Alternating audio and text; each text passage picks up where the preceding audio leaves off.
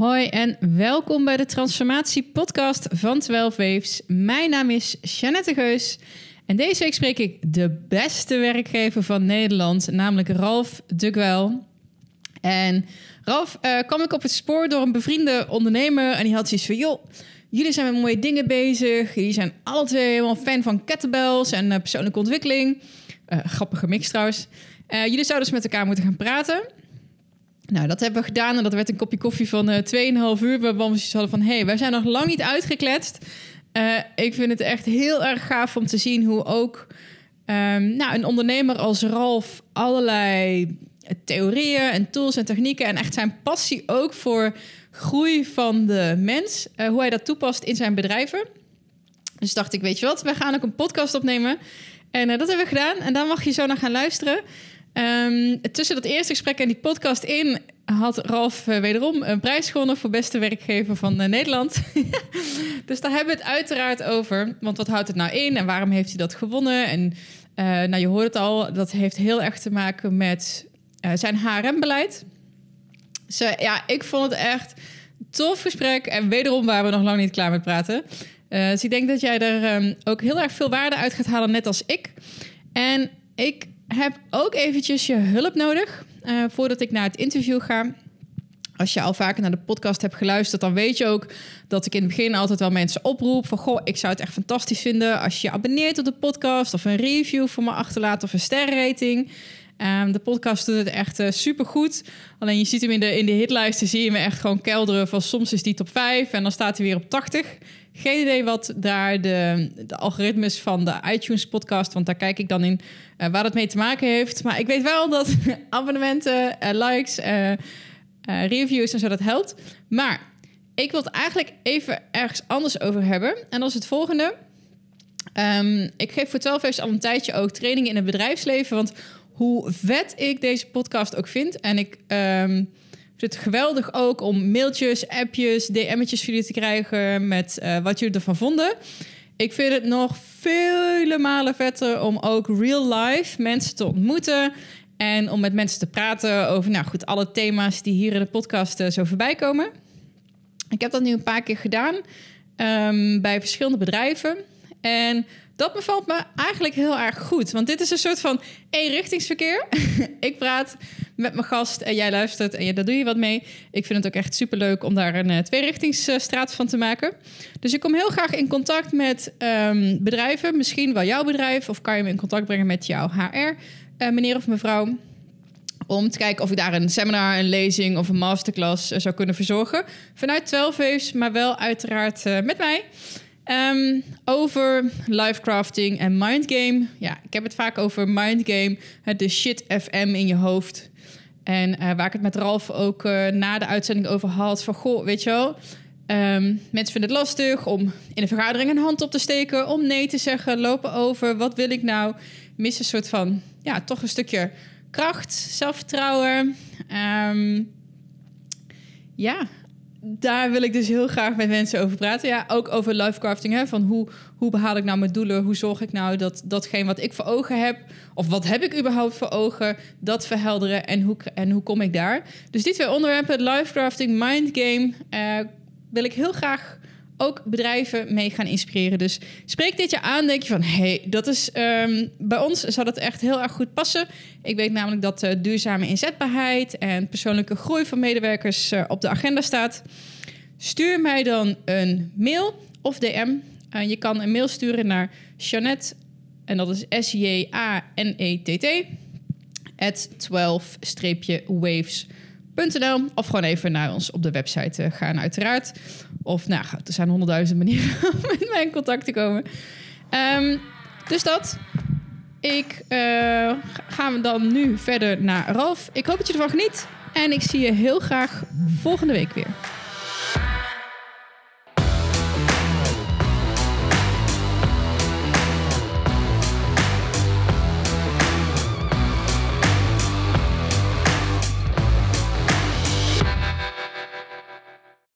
Gaan gewoon lekker vliegende start maken, as usual. Uh, tof dat je bent, uh, Ralf. Ja, leuk. We hebben elkaar... Het is heel erg leuk om ook te stellen hoe wij elkaar kennen. Wij zijn eigenlijk aan elkaar voorgesteld... omdat we alle twee uh, wel eens kettlebellen. Ja, inderdaad. En een kennis van mij keer maar zoiets ja, je moet eens met uh, Ralf gaan praten, want die is ook uh, bezig en helemaal kettlebell. En ja, dat wordt wel een leuk gesprek. Ja. Dus we hebben inderdaad, we waren het achtergekomen in oktober. Volgens mij misschien wel twee uur zitten kletsen over van alles. Ja, van alles en nog wat. Volgens mij heb ik jou proberen uit te horen over kettlebell en over je kampioenschap en wat je daar allemaal mee doet. En ja, ze hebben elkaar een beetje leren kennen. Hè. Ze zijn de gemeenschappelijke interesses over voeding en gezondheid en goal setting en hoe doe je dat dan en coaching. Dus ja, ze hebben toch volgens mij redelijk gauw 2,5 uur hadden toen. Ja, was echt ontzettend leuk. En uh, ik, ik liet je net vol trots mijn journal zien. Ja, want jij had toen een heel mooi bullet journal. Die met die stipjes. En ik werkte toen nog gewoon in een normaal journal. Vind ik wel leuk om mee te beginnen. Want je zei net van, oh, ik ben echt helemaal fan wat dat betreft. Ja. Want hoe zet jij journaling in? Um, nou, ik ben altijd al geïnteresseerd geweest in alles wat met time management of persoonlijke effectiviteit te maken heeft. Ik, ik, ben er super nieuwsgierig nog steeds en ik lees alles wat los en vast zit uh, daarover. Um, en allemaal systeempjes geprobeerd hè, van getting things done en, uh, en, die systematieken die natuurlijk waar zijn, maar hoe doe je dat dan in de praktijk? Ik heb ook wel een soort uh, fetish zeg maar, voor boekjes en pennetjes en dat soort, dat soort dingen. En laatst werd ik door een collega getipt op de Bullet Journal. En daar zit een Getting Things Done-achtige methodiek achter. Die je dan uh, zeg maar jouw jaardoelen en maanddoelen vertaalt naar, naar, naar, jouw week- en dagdoelen. En ook met een boekje. Ja, en met een hoe doe je dat dan? dus ik vind de systematiek van Bullet Journal vind ik veel belangrijker nog hè, dan de, de notatiewijze, hè, waar mm. veel mensen op triggeren vaak. Uh, en ook de, al die leuke dingen met die bloemen en zo. Dat, uh, dat ja, is allemaal leuk, maar dat werkt ja, inspirerend. Je, je, je maar kan dat is natuurlijk niet... voor heel veel dingen inzetten. En ja. wat ik mooi vond bij jou om te zien, is dat jij... Want wij werken alle twee heel systematisch. Ik natuurlijk vanuit mijn 12 protocol. We kwamen toen ook achter dat jouw protocol daar best wel veel op lijkt. Ja. En je zei het net ook al, jaardoelen, kwartaaldoelen... naar dagelijkse acties. Ja, Misschien wel leuk om daar zo meteen even uit te pakken. Ja. Ik sla gewoon helemaal over dat ik jou niet heb voorgesteld. Wil je misschien even zeggen wie je bent? Uh, ja, zo zie je hoe dat gaat ook. Hè? Ja, verschrikkelijk. Ja, uh, Ralf de Gaal. Uh, um, 13 jaar geleden met mijn businesspartner Harm de Laat Cabisa opgericht. Daar ben ik nu directeur van. Daarnaast nog twee bedrijven opgericht. Kyoto, dat is een detacheringsbedrijf voor financials en IT.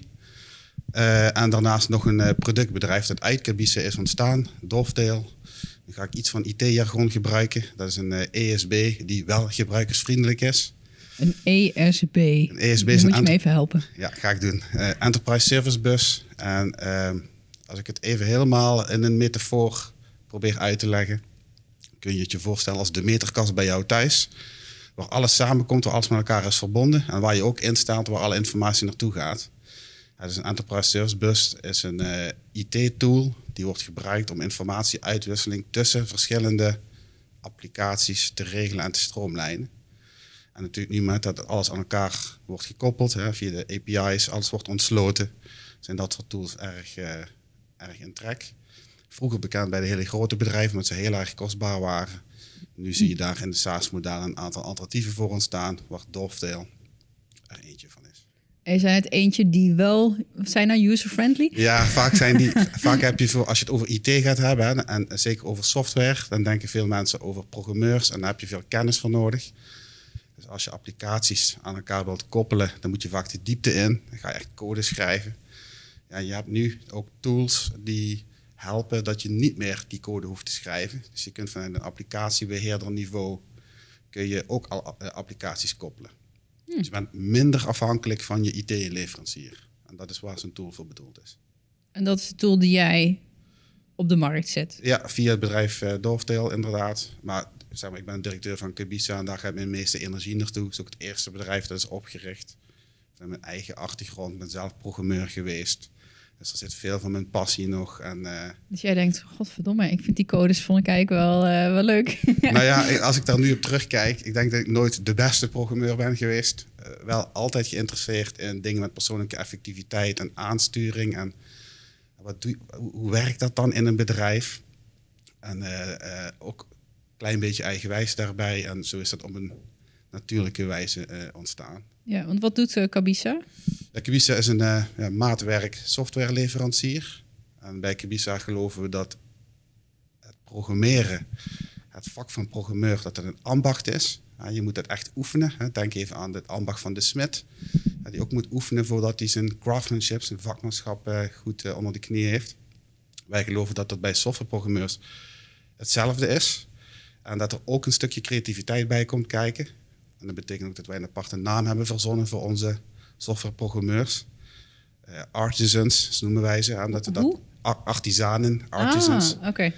En uh, op die manier willen we uh, benadrukken ja, dat het maken van software dat het echt een ambacht is. En dat moet je ook oefenen. Mm. Zo zie je ook bepaalde uh, trainingen dat mensen een stukje software schrijven, weggooien en het opnieuw doen. En dat is alleen maar om te oefenen, oefenen, oefenen zodat je als je dan op een project zit, dat je ook die vaardigheden uh, gewoon onder de knie hebt. Ja, ja. ja.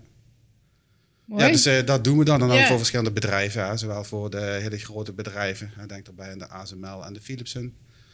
Uh, maar ook aan de bedrijven die iets minder groot zijn. Die ons niet alleen vanwege de kennis nodig hebben, maar ook vanwege de projectuitvoer. We hebben alles meegemaakt in het agile gedachtegoed wat los en vast zit. Dus wij, wij zijn opgericht met een agile filosofie. En voor, voor, mensen die niet weten wat agile eh, is? Ja, een goede vraag. Uh, agile is een, eh, een filosofie in de softwarewereld, of eigenlijk nog breder zelfs. Komt vooruit uit de lean-gedachte. Uh, waarbij je heel sterk samen met die klant kijkt naar wat die klant nodig heeft op dat moment. En Scrum is een implementatie van een agile methodiek. En nou, Scrum is best wel bekend tegenwoordig, zeker in softwareland. Uh, als je op die manier heel iteratief met die klant samen bekijkt wat, die, wat de, zijn volgende stap is, zonder het einddoel uit het oog te verliezen, dat is een belangrijke voorwaarde daarbij, dan uh, heb je altijd het meest efficiënt ga je op je, op je doel af. Ja. En dat is, vroeger had je het watervalmodel en dan kon je in de volgende fase kon je pas zeg maar, starten als de vorige was afgerond. En als je dan als programmeur eindelijk aan de slag mocht, nadat er klappers vol met ideeën en designs en moeilijke tekeningen waren uitgewerkt, ja, dan was er alweer iets gebeurd in de wereld. Waarbij de toegevoegde waarde van hetgeen je ging maken veel kleiner was. Ik ben, ik ben het ook wel eens tegengekomen en is het een goede samenvatting als ik zeg, je, je, je bouwt iets en in plaats van dat je inderdaad uh, in één keer het product oplevert. Van kijk, dit is toch wat je wilde. En dan zegt zo'n klant, uh, nee, dit is eigenlijk helemaal niet wat ik wilde. Ja. Dus dat je die klant meeneemt in elke fase van die ontwikkeling, zeg maar. Je beetje bij beetje, dus dat iteratief gewoon steeds opnieuw um, dat doen. Dus bij, die, bij de uh, agile kenmerk zeggen dat je eigenlijk iedere fase uh, dat je al iets oplevert, dat toegevoegde waarde heeft. Stel je wil naar een huis toe. Ja. Een huis is best een gevaarlijke metafoor in softwareland. Die wordt namelijk heel vaak gebruikt, maar kan heel snel fout worden uitgelegd. Stel je wil naar een huis toe, dan kun je beginnen naar de eerste fase in een kartonnen doos. Want je wilt misschien wel één nacht droog kunnen blijven. Dat is een basisvoorwaarde om uh, het is een doel wat een huisje biedt. Dan misschien is de tweede fase, haal je die doos er weg en dan komt er een klein tentje. De derde fase, een klein tentje weer weg, komt er een klein uh, houten, hout bungalowtje of zo. Hè. En, op die, Iets dichterbij en op die manier ga je, uh, op die manier ontwikkel je iteratief uiteindelijk naar het eindproduct toe. Ja, en je blijft steeds terug schakelen naar die klant. Van hey, zijn we op de goede weg? Is dit wat je wilde? maar we komen tegen dat de ondergrond staat scheef. Dus jouw plannen moeten aangepast worden, want anders zal het. En je kunt dus die inzichten die je gedurende het project krijgt, die kun je continu blijven verwerken in je, in je projectvoortgang. Ja. Dat is op zich niet, hè, dus, eh, als je gedacht doet, komt uit de Verenigde Staten overwaaien, 15 jaar geleden. En uh, mijn businesspartner en ik waren daar uh, ja, door geïnspireerd en zijn op die manier uh, met dat gedachtegoed ook Kabisa opgestart. Uh, maar daar ook alles in uh, meegemaakt. Er zijn een heleboel fouten gemaakt, een heleboel goede dingen gedaan. En die dingen hebben we nu kunnen bundelen in een, dat is op zich wel leuk om even te vertellen, in het Kabisa succesproces. Dus we hebben ons proces, alle dingen die wij hebben geleerd, hebben samengevat en gevisualiseerd in een proces. Wat wel erg gaaf is, als je het proces visualiseert je kunt het laten zien aan klanten, is dat, dat is eigenlijk het grootste commerciële succes van ons afgelopen jaar. Dus het eigen proces gevisualiseerd en laten zien aan klanten. Op deze manier doen wij het. Dit zijn al onze lessen die we de afgelopen 12, 13 jaar hebben geleerd. Die zitten hierin. Kan je een voorbeeld geven van zo'n van zo'n les? Is dat, is dat gewoon een tekening? Moet je me dat voorstellen? Gewoon een infographic die je dan ja, laat zien? Ja, een van- infographic. Hè. Kan je, iedereen mag hem bekijken op succes.kibisa.nl. Dus we hebben het ook openbaar eh, gemaakt. Succes met dubbele S. Engels en Nederlands lopen nog alles door elkaar. Succes.kabisa met Punt NL. 1 S. Ja, Punt NL. Oké. ja. Ehm, nou ja, wat we, wat we zien is de afstemming met de klant. Eh, je doet zaken met mensen. En eh, je doet geen zaken met bedrijven. En het is heel belangrijk in het begin om die verwachtingen zo goed mogelijk neer te zetten. En als je in het begin al eh, probeert duidelijk te maken hoe gaan we met elkaar om als het goed gaat. Hoe gaan we de successen vieren? Maar hoe gaan we met elkaar om als dingen tegenvallen? Wil je dan dat ik jou een escalatie-e-mail stuur? Of wil je dat ik je ga bellen? Moet ik een codewoord roepen om even te snappen zeg maar, dat... Hoe gaan we met elkaar om? En door dat dan in het begin te bespreken, heb je eigenlijk zo'n level playing field voor de rest van het project, waarin de eh, omgang met elkaar heel erg transparant en helder wordt. Is dat iets wat, het klinkt super logisch, maar iets wat dan eigenlijk gewoon niet gebeurt in, eh, ja, niet alleen softwareland lijkt me, maar in hele pro- projectmanagement. eh, Ja, ik denk dat het veel te weinig gebeurt om het ook heel bewust te doen. Iedereen denkt, we begrijpen elkaar, maar dan heb je nog een aantal stapjes voor nodig om elkaar echt te begrijpen. Hè. Er zijn ook sociale componenten, even een biertje drinken of iets anders met, met die klant samen. zijn gewoon belangrijke componenten in ons proces, omdat we de mens achter die mens willen leren kennen. Het is heel anders als die andere persoon, als die thuis iets heeft meegemaakt, dat hem heel erg hoog zit, dan gedraagt hij zich anders, dan voelt hij zich anders vandaag. Mm. En als je dat weet van die ander, dan gaat het samenwerken op die dag gaat veel fijner, veel makkelijker. En dat betekent dat je best wel investeert, zeg maar, in eh, op het mensniveau elkaar leren kennen. Ik denk dat dat. Want je zegt van, nou, als iemand iets hoog zit thuis, Ja. ik weet niet of je dat heel snel aan iemand met wie ik samenwerk, eh, want ik, ik wil ook wel eens eh, eh, handjes in, Mhm. dat je dat meteen vertelt. Ja. Maar hoe, wordt daarop gereageerd? Want ik kan me voorstellen dat, dat het best wel... Ik ben een gemeente, ik huur jou in voor een softwareapplicatie... en jij vraagt, hoe gaat het thuis? Ja, zo gaat het niet. Je leert elkaar natuurlijk wel kennen in Ja. een aantal stapjes. Ja, dus dat vertrouwen dat moet groeien. En wat wel heel leuk is als klanten bij ons komen, we werken vaak samen en in team. En in, die, eh, in die agile filosofie, in die scrum methodiek, ja, daar zit een, eh, een, eh, ceremonie, hè, daar zit een, een meeting, die heet retrospective. En daarin kijk je terug over hoe zijn die afgelopen weken, hoe zijn die nou gegaan en wat zouden we willen verbeteren. Wat we vaak terugkrijgen van klanten, is dat ze zeggen, oeh, jullie zijn wel heel erg eerlijk naar elkaar. Hè? Dus die moeten daar even aan wennen. Mm. Die moeten eraan wennen dat mensen onderling elkaar op een positieve manier kritiek geven. Geef eens een voorbeeld van wat, wat mensen dan zo shocking eerlijk vinden. Nou ja, als dan eh, de ene developer tegen de andere zegt van... nou, ik vond het niet zo goed wat je daar hebt gedaan. Waar die klant bij zit. En die klant denkt, ja, maar dit is mijn project. Oh, echt? En, en dat klopt, maar daardoor gaat het wel beter. En omdat een fout wordt toegegeven... Ja, omdat iets op tafel komt... En daarmee blijft de, sfeer in het team vaak heel erg goed. Eh, en de resultaten worden ook beter. Nee. Het werkt ook andersom. Hè? Als ik hier zie, eh, die retrospecten vind ik echt een heel belangrijk onderdeel hè, in die methodiek. We hebben het wel eens meegemaakt dat sommige mensen durven gewoon niet hun gevoel te benoemen. Dat is mijn adagium mensen moeten hun gevoelens proberen te benoemen. Zelfs in de IT, hè, waar we allemaal met rationele mensen werken. We hebben het gehad in een project dat eh, iemand drie maanden lang met een knoop in zijn buik zat. Die dacht van, nou, dit project gaat niet de goede kant op. Die deadline die die klant gesteld heeft, is super moeilijk. Dat gaan we niet halen. Hoeveel waardevoller was het niet geweest als hij dat al in het begin had durven noemen. Dus daar gaat veel van mijn eh, overtuiging, veel van mijn energie gaat er naartoe om mensen te bewegen om wel met dat gevoel eh, ja, te durven uiten. En dat, of dat nou met collega's of met klanten is, eh, of dat nou tijdens een, ont een ontwikkelgesprek is, maakt niet uit. Maar als je dat kunt, volgens mij is dat de kracht van een heleboel dingen, als je dat Ja. kunt en durft. Ja, je raakt dan een aantal hele interessante onderwerpen aan. Ehm, dat voorbeeld wat je net gaf van eh, die, die eerlijkheid naar elkaar. Ik denk dan meteen aan dat is eh, schoolvoorbeeld van ook eh, eigenaarschap. Om het dan en om het niet persoonlijk te nemen. Want ik denk dat daarom die klant ook zo schrikt. Wij zijn zo gewend als iemand iets tegen jou zegt van hé, hey, dat heb je niet zo goed gedaan. Dat je meteen een soort van zelfafwijzingsmodus schiet. En dat je het persoonlijk neemt. En Ja. oh, weet je wel, dan is heel je dag naar de kloten. En dan voel je je rot. En nu ga je naar Ja. huis. En dan ga je schelden tegen je vrouw. Terwijl Eigenlijk is het gewoon, hey, dit stukje werk is gewoon niet goed. Zegt niks over jou als persoon. Ja. Vind je nog steeds aardig. Je mag blijven. Ja, maar, hoe, maar dat is wel, en dat ik heb dat zelf ook supermoeilijk. gemerkt. Dat is heel, dat is een ander soort perspectief. Hoe, En zeker mensen die in die techniek zitten, hè, die zijn, eh, ik praat af en toe in die disk-termen. Een disk is dan zo'n manier om je voorkeursgedrag eh, in beeld te kunnen brengen. Het zijn mensen die zijn eh, redelijk conscientieus. Hè. Dat zijn de, de blauwe noemen ze het ook wel eens. Of hebben veel blauw in hun gedragsvoorkeur.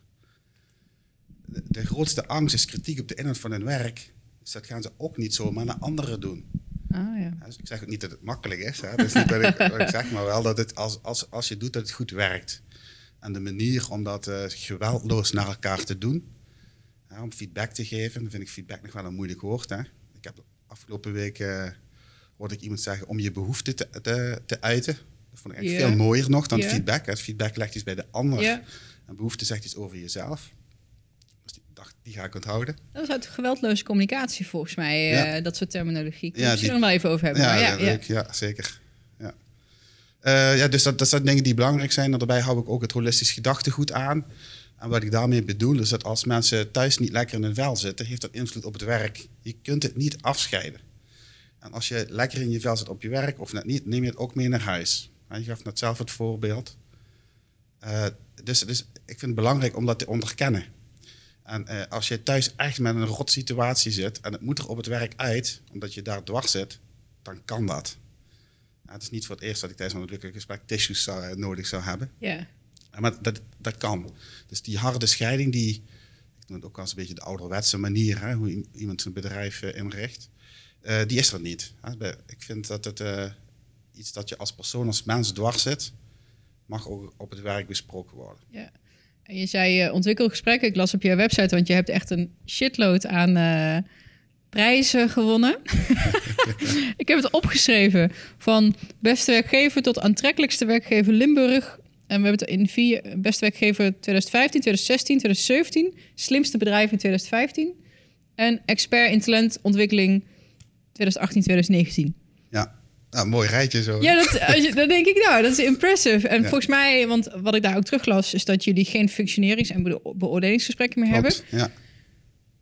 Ja, eh, het is een hele grote vraag. Hoe word je beste werkgever Ja. of expert in talentontwikkeling? Maar ik, volgens mij zit hier de kern in hoe je dat benadert. En is dat dan, is dat echt zo? Ja, misschien is dat heel vernieuwend. Of wordt het in dat vakgebied gewoon echt niet Ja. toegepast? In de Nou, IT? ik krijg die vraag wel vaker natuurlijk. Ja. En, ehm, ik vind het zelf niet vernieuwend, voor, voor mezelf niet. Ja, dat voor jou is heel natuurlijk. Ik, vind het, ik, Ja. ik snap nooit waarom dat het anders zou kunnen. Eh, ik heb het wel gezien dat het anders is. Ehm, en, en ik zie en ik hoor ook, en ook uit reacties als ik, het- als ik erover praat met mensen, dat, die, eh, eh, dat het toch bijzonder is wat wij doen. Hè, vijf ontwikkelgesprekken per jaar, van anderhalf tot twee uur lang. Het is maar tien uur per jaar per medewerker, als je daar even getalsmatig naar gaat kijken. Men vindt dat veel. En die aandacht, die, eh, eh, en dit gaat, het gaat alleen over ontwikkelgesprekken. Hè. Ja. Coaching on the job en zo komt er nog allemaal naast. Eh, maar me- ik merk dat mensen dat als veel ervaren, of collega-bedrijven. Wat- Dus daarin wat- zijn we wel vernieuwend. Wat, wat is een precies een ontwikkelgesprek? Want, het is, want jullie hebben dus geen functionerings- en beoordelingsgesprekken meer, maar in plaats van dus vijf van dit soort gesprekken. Ja, inderdaad. En, en wat is dan het verschil met een klassiek functionerings- of beoordelingsgesprek? Ja, een ontwikkelgesprek zou je kunnen zien als een, eh, als een coachinggesprek. Die gaan ook anderhalf tot twee uur eh, duren die. Dus we gaan echt de diepte in. Dat is ook wel iets wat bij mij als persoon past. Ik ben ervan overtuigd dat dat goed werkt. Ehm, ja, misschien moet ik eerst even vertellen hoe ik daarbij ben gekomen. Ja, ja. Hè, zeg maar, eh, toen we Kubisa oprichtten, hadden we de structuren die wij bij andere werkgevers hadden gezien, hadden we meegenomen. Dus één eh, functioneringsgesprek, één beoordelingsges- beoordelingsgesprek. En eh, onderdeel van die functioneringsgesprek is dat je met doelstellingen wil omgaan. Je wil iedereen meer laten doen dan eh, alleen het programmeerwerk, eh, waar mensen voor zijn aangenomen. Medewerkers doen niet alleen dat, maar hebben daarnaast stuk, zijn onderdeel van het bedrijf. En die doelstellingen waren individueel. En dat voelde altijd raar. Aan het eind van het jaar moest je dan gaan beoordelen of iemand zijn doelstelling, die hij op papier had gezet, of die die had uitgevoerd. En heel vaak hadden we een discussie, ja, ik heb doelstelling A heb ik niet gedaan, maar ik heb wel eh, D, E en F gedaan, Ja. wat eigenlijk hartstikke goed is. en wat omgaat met de situatie zoals we die hadden, ja, dat stond niet op papier en hoe ga je daar dan mee om? Hè? Ze werd toch altijd minder objectief, hè? want dat is subjectief of je nou zo'n zo'n bonus of een doelstelling goed ging keuren. Eh, om te helpen, dacht ik, uh, we, gaan, we, gaan, formuliertjes maken met die doelstellingen. En natuurlijk helemaal smart, hè, of smarty, hè, die even inspireert nog erachter. Uh, en geïnspireerd bij een scorekaart, waar je vier aspecten benoemt, hè, die ieder bedrijf in zich heeft. Zowel het financiële aspect, klanttevredenheidsaspect, het procesaspect, hè, dus welke andere processen zijn belangrijk in je bedrijf, als de persoonlijke ontwikkeling dacht nou weet je wat, ga ik vier tabellen maken, zoals een aparte kleurtjes, waar iedereen de S, M, A, R, T, I kan, voor zichzelf kan opschrijven per doelstelling. Mooi documentje gemaakt met tabellen erin. Grote weerstand ooit die ik in mijn eigen bedrijf heb mogen ervaren.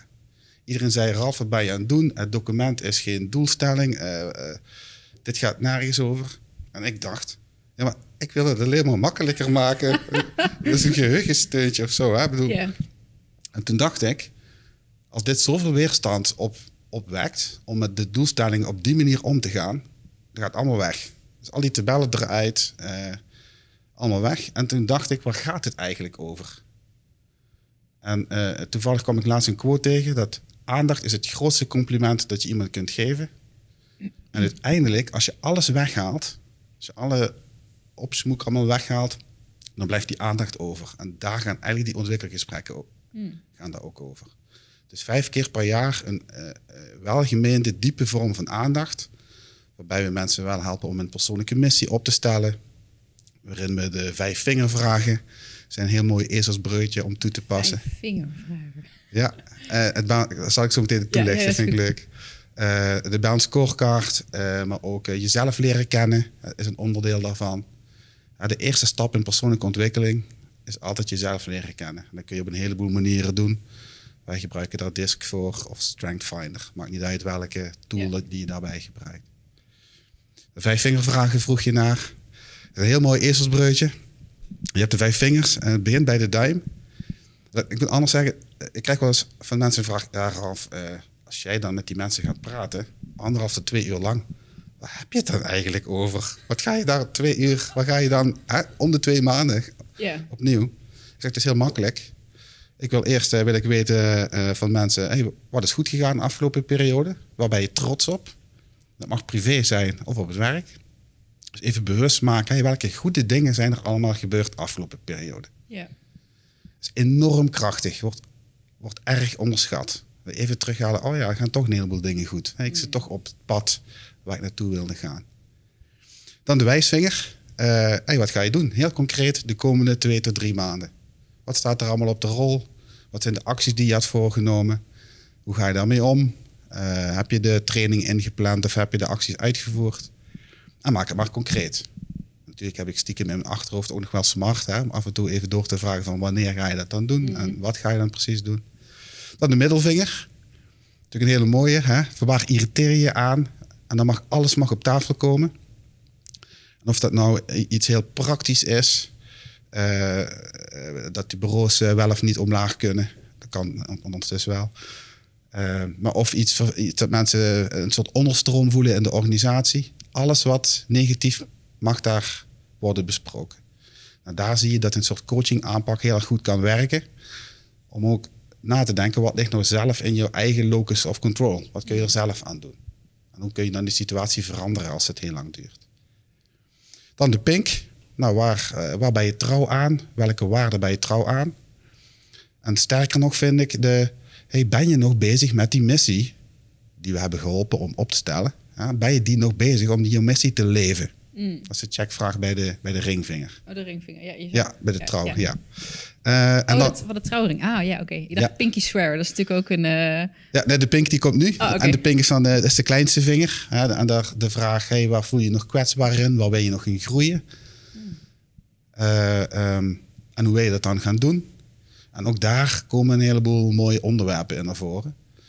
En ja, als ik met die vijf vingervragen begin, dan ben ik soms al een uur onderweg of zo. Hè? Dat gaat op een hele natuurlijke manier. En het maakt helemaal niet uit uh, hoe lang dat je elkaar niet hebt gesproken. Of, dat, of er een hele lange periode tussen zit of niet.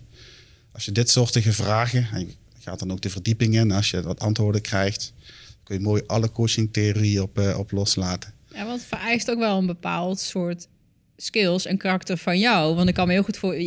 Jij vindt het leuk. Ja. Jij verdiept je ook heel graag volgens mij in allerlei spirituele... Uh, groeimodellen en bewustzijnsontwikkeling en zelfactualisatie. Daar zijn we in dat eerste gesprek al achter gekomen dat we daar heel mooi op één lijn zitten. Mhm. Maar ik kan me heel goed voorstellen dat misschien iemand die zit te luisteren, die mensen aanstuurt, manage. En die zegt van, oh. Want je moet ook wel met de, de, antwoorden om kunnen gaan en de hulpvragen die er misschien uitkomen. En als mensen zich zo kwetsbaar opstellen, de gesprekspartner moet daar ook op zitten wachten. En ik kan me heel goed voorstellen, ja, zo'n plat beoordelingsgesprek, een tabel.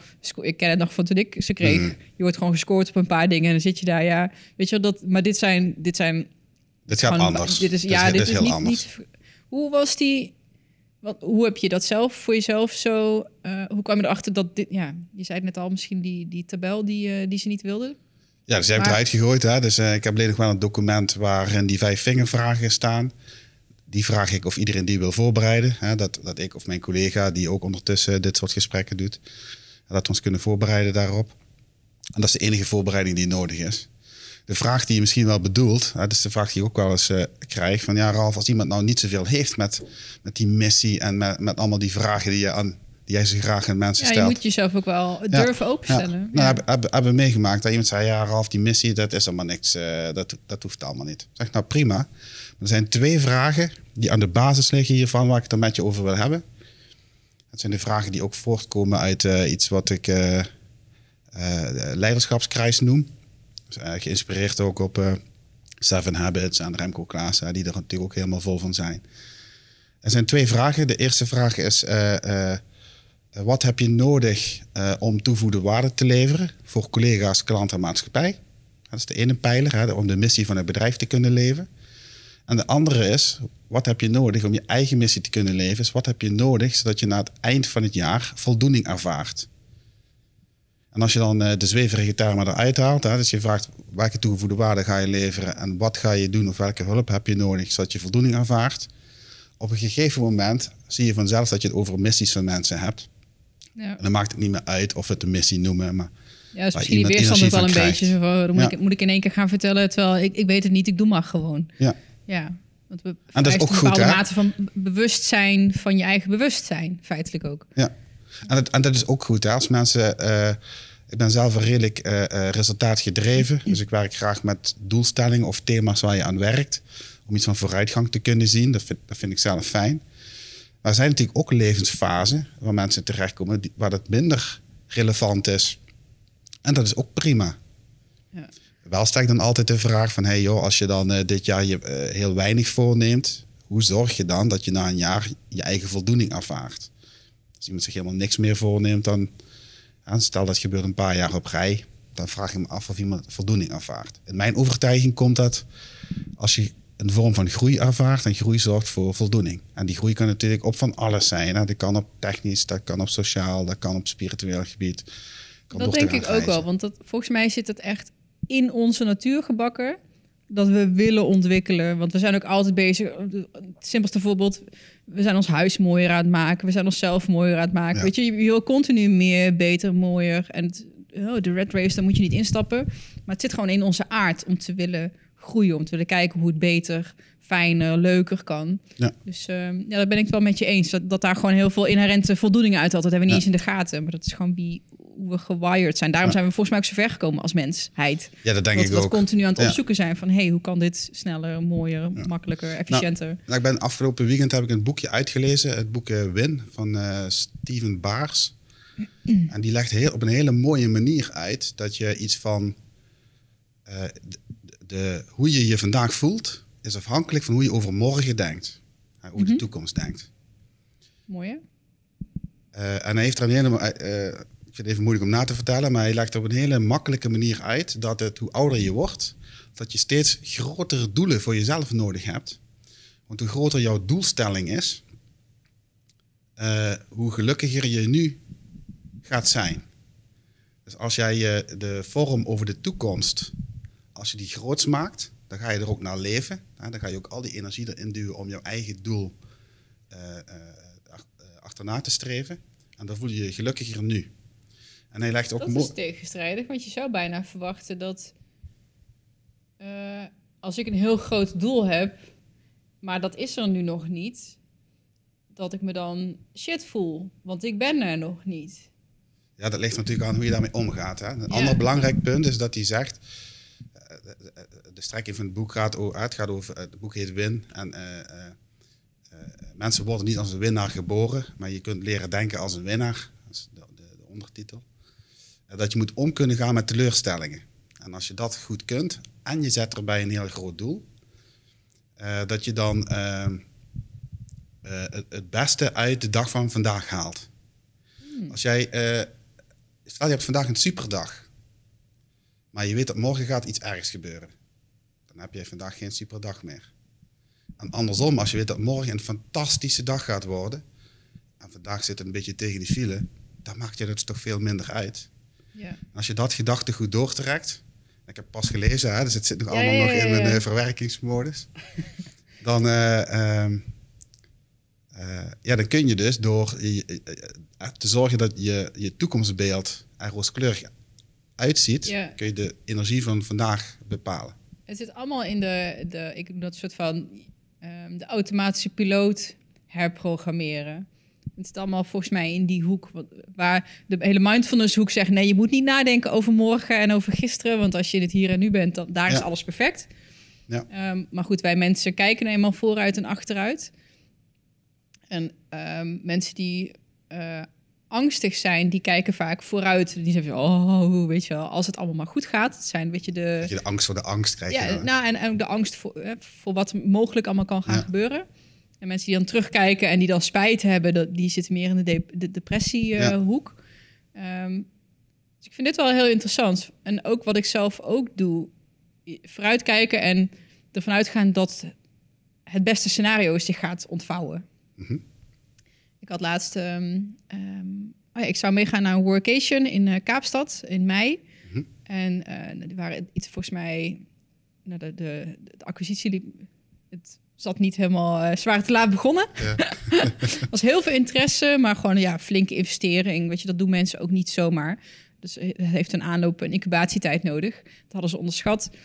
En toen zeiden ze, ja, weet je wel, ontzettend balen, verschrikkelijk. We gaan hem verzetten naar oktober, november. Dus later in het jaar. Ja. Ik heb precies van, ja, weet je, dat zei ik toen tegen die meid ook. Ik heb inmiddels zo vaak meegemaakt dat er iets wat ik heel graag wilde dan op de een of andere manier niet lukte, niet doorging, teleurstelling.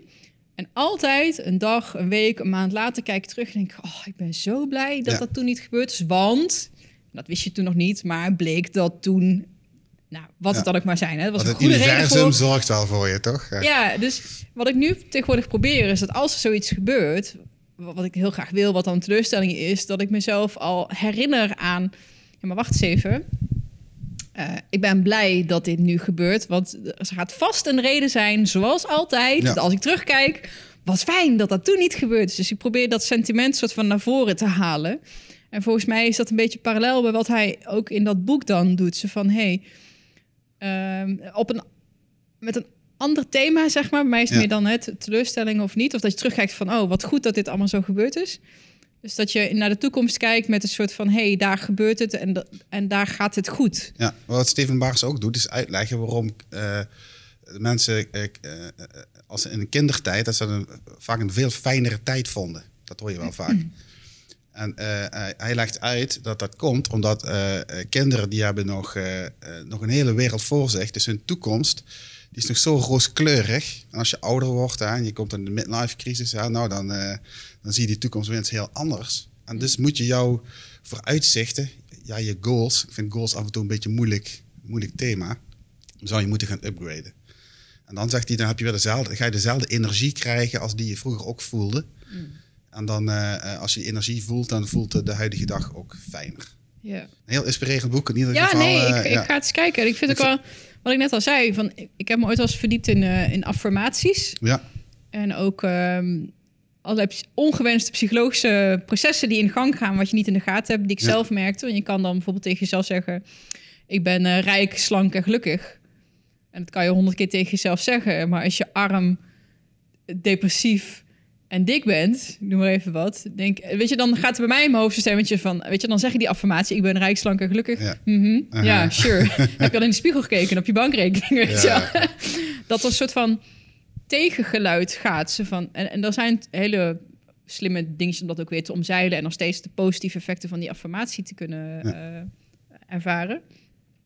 Eh, maar dat zou ik hier ook een beetje mee hebben. Zo van, oh ja, zo'n doel. Ja, ik, ik weet ook, ik wil genoeg kunnen sparen om een bepaald soort een hutje op de hei voor mezelf te kunnen kopen. Maar als ik mezelf er heel erg vaak aan herinner en ik heb dat doel nog niet, weet je, dan ga je in die teleurstellingsmodus zitten. Zo van, oh, het lukt niet en Ja, eh, ik ben er het- nog niet en uh, ben ik toch voor een loser en laat maar.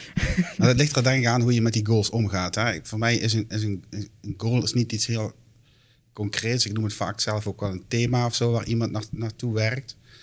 En eh, eh, zelf ben ik ook wel aanhanger van systems versus goals. Hè? Dus niet echt een doel nastreven, maar een systeem inbouwen.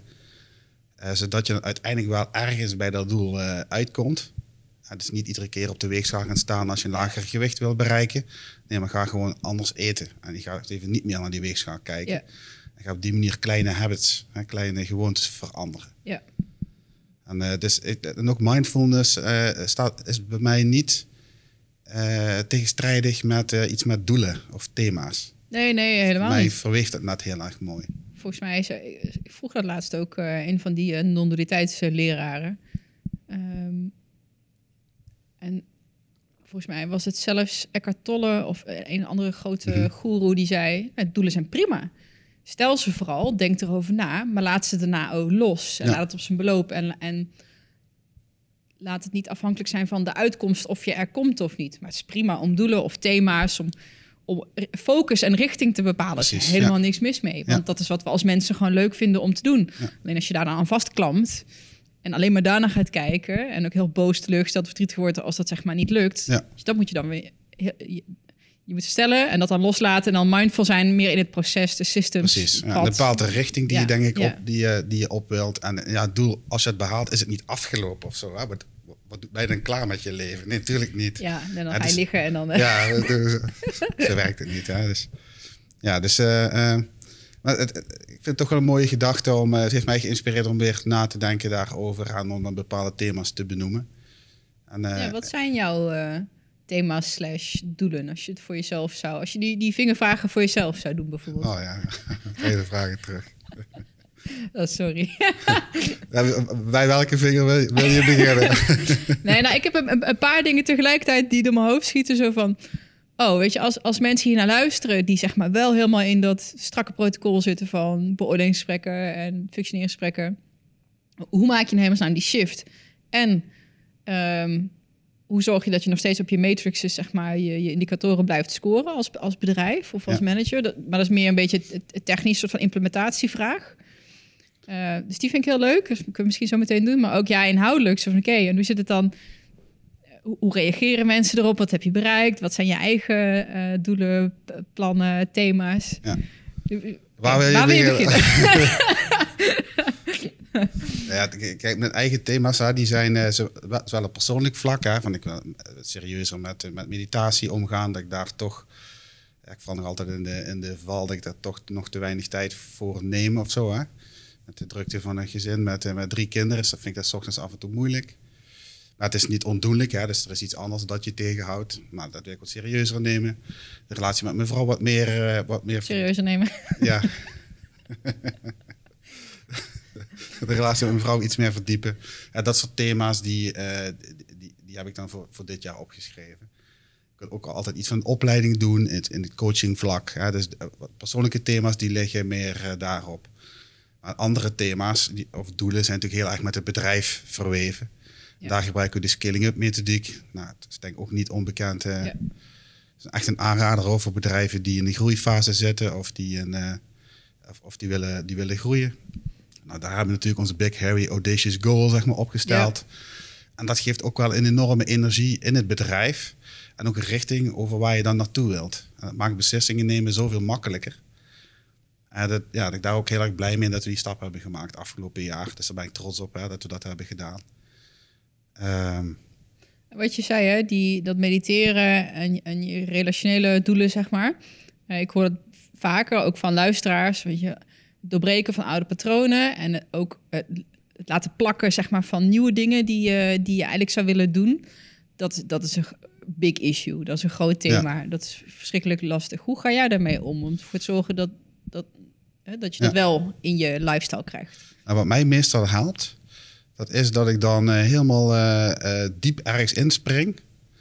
en dan blijft daar wel iets van plakken.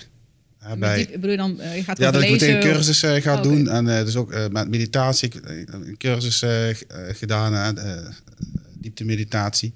En dan word je als het ware meegezogen. op dat moment ben ik super enthousiast. Ga ik aan iedereen vertellen hoe fantastisch het wel niet is. Hè? En dan zegt ook iedereen, ja, ja, Ralf, je zit nu weer in je enthousiaste modus. Maar iedereen weet ook wel dat er altijd wel iets blijft plakken. En ze is bij Kettlebell gegaan, waar ik ooit een keer over las, nog nooit van gehoord had. Nou, dan ga ik dat doen. Nou, nu ben ik dat nog steeds aan het doen. En ik voel me daar heel erg goed bij. Sterker nog, ik denk dat krachtsport dat dat ook iets doet met je zelfvertrouwen. Dus ik raad het ook echt iedereen aan om daar echt naar te kijken. Er zijn heel veel onderzoeken nu hè, dat krachtsport echt iets doet met je gezondheid. Ja. Ehm, nou, dus de, de, de, deep dive ergens in. En meestal uh, dat ik geen enkele financiële begrenzing heb voor mezelf op kennis. Ga ik gewoon een, training of een cursus doen. En dan spring ik daarin. En waarschijnlijk uh, daarna ga, zwakt het iets af. Maar er blijft altijd wel iets van achter. Ja. Dus bij meditatie ook. Ik zou wel willen dat ik het iets vaker zou doen. Maar het is niet dat ik het nooit doe. Ja, het is wel herkenbaar. En ik kwam het in het boekje van Mark Siegebeek van Heukelom. Die heeft net een nieuw boek geschreven, helemaal naar de meditering. Ja, En uh, waar je, eigenlijk het proces wat je net beschrijft, is dat we voor gedragsverandering dat we een soort van pendulum hebben. Dat we eerst zeg maar in het uiterste schieten. En dan word je zo'n... Uh, ja. Uh, dan word je net iets te enthousiast erover. Dan ga je, weet je. En dan, maar uiteindelijk zakt het dan weer terug naar een nieuw... Je gaat nooit helemaal terug nadat je niks over mediteren weet. En dat je... Ja helemaal gestrest en reactief bent. Er blijft altijd wel iets uh, plakken. En volgens mij, mensen vragen ook mij, ja, ben je er dan op een gegeven moment niet klaar mee, weet je wel? Zo van, mhm. heb je die niet, niet, genoeg boeken gelezen en mensen gesproken? En, uh, Alsof het een doel zou zijn op zich of zo, hè? je bent dan klaar... Uh... Nee, maar ook juist omdat je even toe die uitschieter nodig hebt om... Ja, zal ik je? Even ja. dat je af en toe van die uitschieters nodig hebt om die naald een stukje te bewegen. Ik, ik heb nog, dankjewel om die naald een stukje te bewegen. En dat is wat we aan het doen zijn. En daar heb je wel, weet je, bij mensen zijn super efficiënt. We willen maar geen energie verspillen en nieuwe dingen leren. We willen gewoon lekker blijven zoals we zijn. Dus je hebt een soort van extreme push nodig om een klein beetje uit het centrum te komen en weer een nieuw centrum te, te vinden. Dat het, helpt, goede, het helpt ook een beetje comfortzone te komen. Hè? Want als je het allemaal zelf gaat doen, dan blijf je allemaal lekker in je eigen comfortzone. Nee, je moet, als je training gaat doen, hop, zo'n groep in. Je moet je blootgeven, kwetsbaar durven zijn. Na zo'n cursus? Na zo'n cursus of training. En dan uh, zeker als je die coachachtige opleidingen of trainingen gaat doen, hè, dan moet je wel zelf in zo'n groep moet je kwetsbaar opstellen. En dat helpt. En dat, uh, ja, dat is mijn manier om dat soort uh, dingen te doen. Ja, nou, goed. Ja, je zei ook van geen financiële beperking in dat opzicht. Ehm, ik denk dat ook een stok achter de deur is die mensen ook onderschatten. Um, op het moment dat ik ergens voor betaal, neem ik het veel serieuzer. En dan ga ik er ook voor. Ja. Ik heb de laatste keer een, online training van iemand gehad en dan kon ik dan gratis in. En dat was iets wat, wat ik eigenlijk heel graag wilde weten, maar ik heb het nog nooit geopend. ja, over het maken van online programma's, volgens mij. Um, en ik denk niet eens dat het over die financiële component gaat daar. Hè? Dus volgens mij gaat het helemaal niet zozeer of je er geld voor hebt betaald, maar het aanlooptraject in je hoofd om het besluit te maken dat je er geld voor betaald hebt. Volgens mij is dat de klik die dan meer doet dan dat je zomaar iets gratis uh, krijgt. Ja, want het laat je, je gaat wikken wegen, is het dit waard of niet of zo? Ja. Bij mij duurt dat wikken wegen dan best wel kort. Maar daar, dus op een gegeven moment dan ga ik dat gewoon doen. Maar toch ergens ook ervaar je een beetje een soort van zonde als ik het niet doe, want ik heb ervoor betaald. Dat is ja, ja, een Hollandse gierigheid ook. Ik weet het niet. Ja, daar heb ik dan zelf iets minder last van, maar ik snap dat dat, uh, dat, dat zo, zo werkt. Ja. En uh, maar het, het, geeft een commitment aan, hè, wat mensen dan, uh, dan aangeven. En dan, dan ga je het ook doen. Maar ik heb zelf geen enkele rem op het kopen van boeken. Ik kan in vier seconden op bol.com zeg maar een boekje bestellen. En dat is mijn valkuil. dus ik heb ook meer boeken thuis dan dat ik kan lezen. Kun je snel lezen? ja, dat zou helpen, ja. Ehm, ja, dus ik vind het ook altijd heel raar om te horen als iemand oh, ik twijfel, want ik moet een boek kopen van 25 euro. Hè? Dat, dat vind ik heel raar. Dat vind ik Mm. moeilijk om, dan, eh, om, om me daarin te verplaatsen. Dat, dat gevoel ken ik niet. Ik vind kennis vind ik zoveel meer waardevol dan die twee of drie tientjes dan. Nou, Ja, ja en, en wij zijn altijd boekenwormen volgens mij. Dus wij zien daar ook de meerwaarde. Misschien dat mensen die gewoon minder lezen... eh, dat het dan een grotere, eh, grotere uitgave is of zo. Ik denk daar ook niet over na. Ik heb gisteren Ja. ook weer drie boeken... of eergisteren drie, drie boeken thuis gekregen. dat heb ik dan besteld. The Subtle Art of Not Giving a Fuck. Die had ik Ja. al een... Nee, heb ik ooit wel iemand cadeau gedaan. Ehm, maar zelf nog niet echt gelezen. Maar ja, het gedachtegoed eh ken Ja. ik wel. Wat heb ik nou nog meer? Oh, een boek over schematherapie. Dat is een Mhm. dame die ik graag wil uitnodigen, ook in de podcast. Over het loslaten van patronen. Ik weet de titel even niet.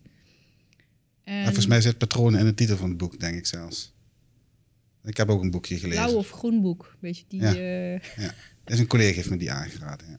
ja, Ik ben de titel even kwijt wel. ja, die heb ik besteld. En een boek over Jungiaanse archetypes. De king, de warrior, de prince volgens mij. En, nou, je ziet dat veel van die eh, profielen, nou, dat die op die theorie van Jung zijn gebaseerd. Ja. Ja, die komen er allemaal, zijn die wel terug te leiden daarna. Ja, ja, ik vind het geweldig om zo naar mensen te kijken. En ook, Ja. je kan dan zulke eye-openers geven.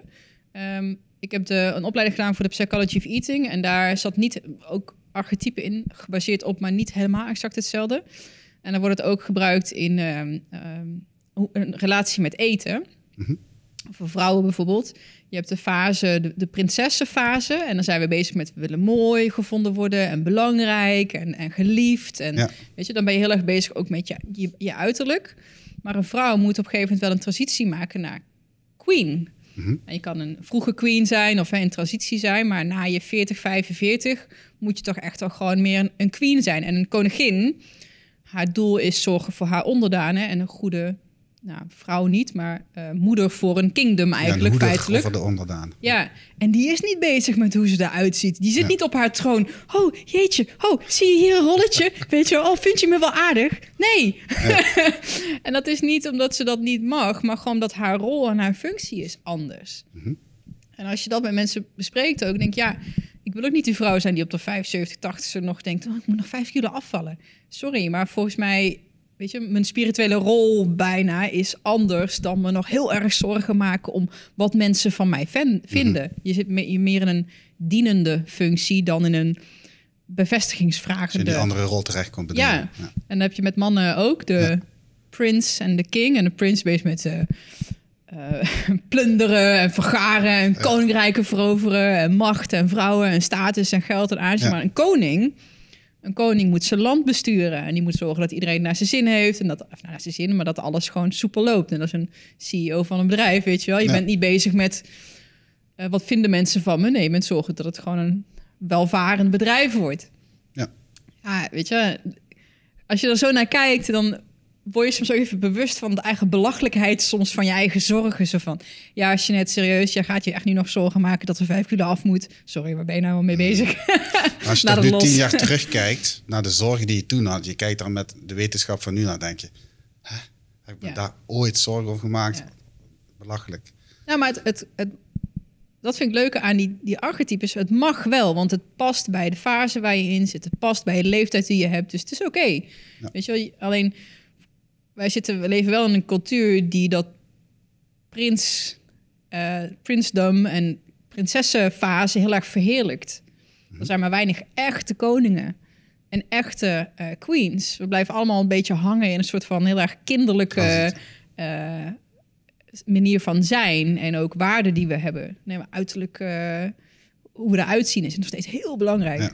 Dus dat is interessant. Dat is een heel cultureel iets ook hoor. Dat we dat zo eh, belangrijk Nou, wat ik wel vinden. grappig vind aan die theorieën, dat zie je ook in die DISC of MBTI of al die andere eh, methodieken, is dat die helpen om zelf vergevingsgezinder te worden naar anderen omdat je die ander dan als het ware, ja, je mag het niet doen, hè, maar je zou het kunnen labelen als. Hè, Nou, je ziet, je meer ziet dat, die, die- dat die onderdeel is van een groter.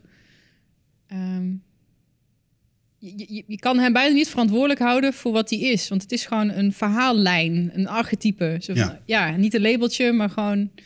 eh, ja, ik, ik, weet, ik kan het goede woord ook even niet, eh, niet vinden. Maar ik snap, ik snap wat je Het helpt in ieder geval dus aan om jezelf te leren kennen en dus om eh, meer compassie te hebben voor jezelf. Ja.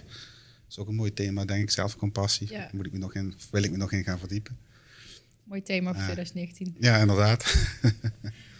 ja, maar ook naar anderen toe en naar teams. Hè, dat mensen van elkaar weten wat zijn nou de gedrags, eh, eh, wat zijn nou mijn, mijn valkuilen in mijn gedrag. En als we vergevingsgezinder worden naar elkaar, ja, dan wordt denk ik de teams en de bedrijven en de wereld wordt daar zoveel beter van. Ja. Hoe, hoe... Stel dat iemand komt bij jou werken en, en die... Ja, weet je, wij kunnen daar lekker over eh Ja. flowen. Mhm. Ehm, maar er komt een IT'er binnen en die programmeur. Ja, heb jij nou over? Je zei het al van, oké, misschien... eh, ik heb twee andere vragen voor ze, maar... eh, er lopen mensen ook trainingen, trajecten op dat vlak? Of is het in die coachingsuren met jou dat, dat je een soort van kwartjes in dat systeem gaat gooien? Ja, dat ook. Dat helpt. Het is niet alleen met mij. Er zijn er an- andere collega's die dezelfde soorten gesprekken kunnen doen. Maar, we hebben ook een proces, dat hebben we bootcamp genoemd. Als iemand bij Kabisa komt, dan hebben we geleerd dat de, warme ontvangst is enorm belangrijk.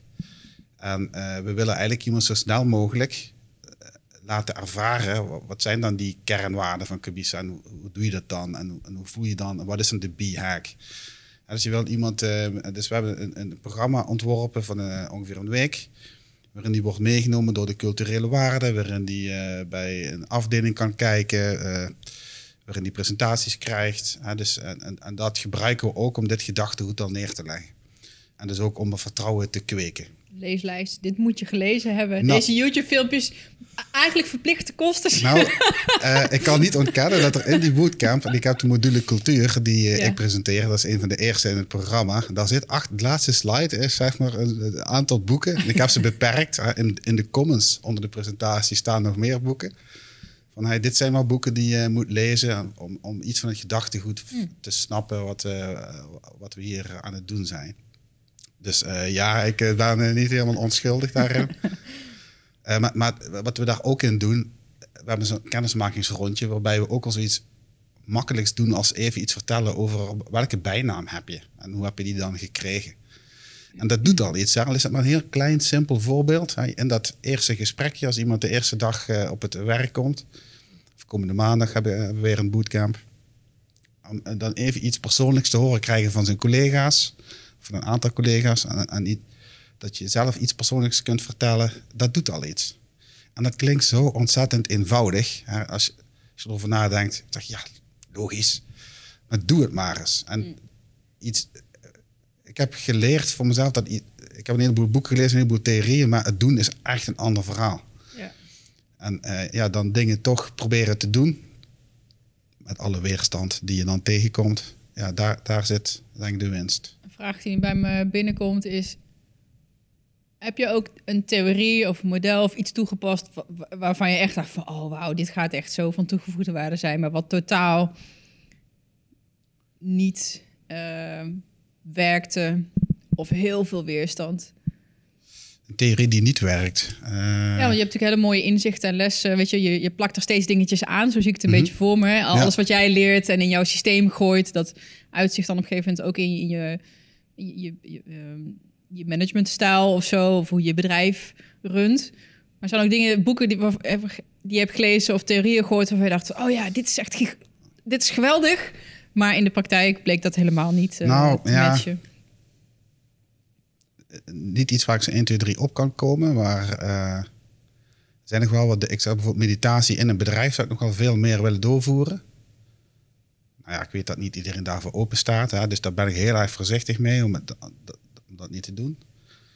Eh, dat is nog wel een ik ben ervan overtuigd dat als we maar zes uur per dag werken, dat werk dan beter wordt. Ja. Dus ik wil eigenlijk, is, mijn, dat is nog wel een droom, ehm, dat we met het hele bedrijf iedereen nog maar zes uur per dag werken. Dat is moeilijk met klanten hè, die af en toe nog naar inzetbaarheid of naar uren kijken. Maar dat probeer ik wel zo eh, te gaan doen zo op termijn. Ehm, dus dat zijn wel dingen. de- ik kan nu even niet iets verzinnen wat niet werkt, maar meer nog dingen een, die ik eh, nog niet durf of die ik nog niet eh, voor elkaar heb. Ja.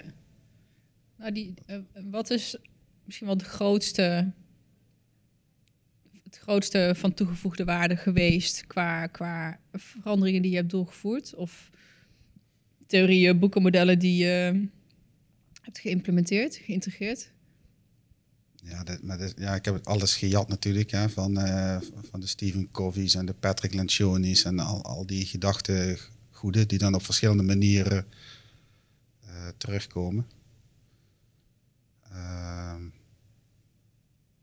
nou, moet ik even over na. Ja, ik heb een heleboel van dat soort eh, dingen. Maar een van de, een van de zaken die het afgelopen jaar eh, geïnspireerd heeft, is het boek eh, Radical Candor van Kim Scott. Oh, daar hebben wij het vorig jaar volgens Volgens mij, ik daar ook heel, daar was ik daar denk ik net Ja, in bezig. ja, Had ik het net, was ik net een bepaalde fase. Ja, En dat heb ik nu wel gebruikt om het belang van, van feedback, waarvan ik dan mooier vind om je behoefte uit te spreken, om dat aan te geven. En dat gevaarlijk is als we het niet doen. Er staat een kwadrantje in uitgewerkt in het boek. Eh, dat gaat dus over eh, eh, direct zeggen wat je ergens van vindt. Dat staat op de horizontale as. hè, dus naar rechts is direct en naar links is niet zeggen of heel erg indirect. En op de verticale as staat naar boven toe. Staat om dat op een hele liefdevolle, caring manier te doen. En, en naar beneden natuurlijk om dat niet te doen. En dan krijg je rechtsboven heb je dan dat radical candor kwadrant. Waarbij je dus wel zegt waar het op staat. Maar dat wel op een hele liefdevolle manier kunt doen. En volgens Kim Scott zegt ze, als je dat nou zoveel mogelijk probeert te doen, dan creëer je een zo gezond mogelijke cultuur. Het gaat dus eigenlijk over het geven van feedback en hoe doe je dat dan? Als je dus rechts beneden zit, en doet het wel heel direct, maar zonder die liefdevolle manier, dan krijg je onhebbelijke agressie. Dat is dan de Ja. term die daarbij hoort. ja.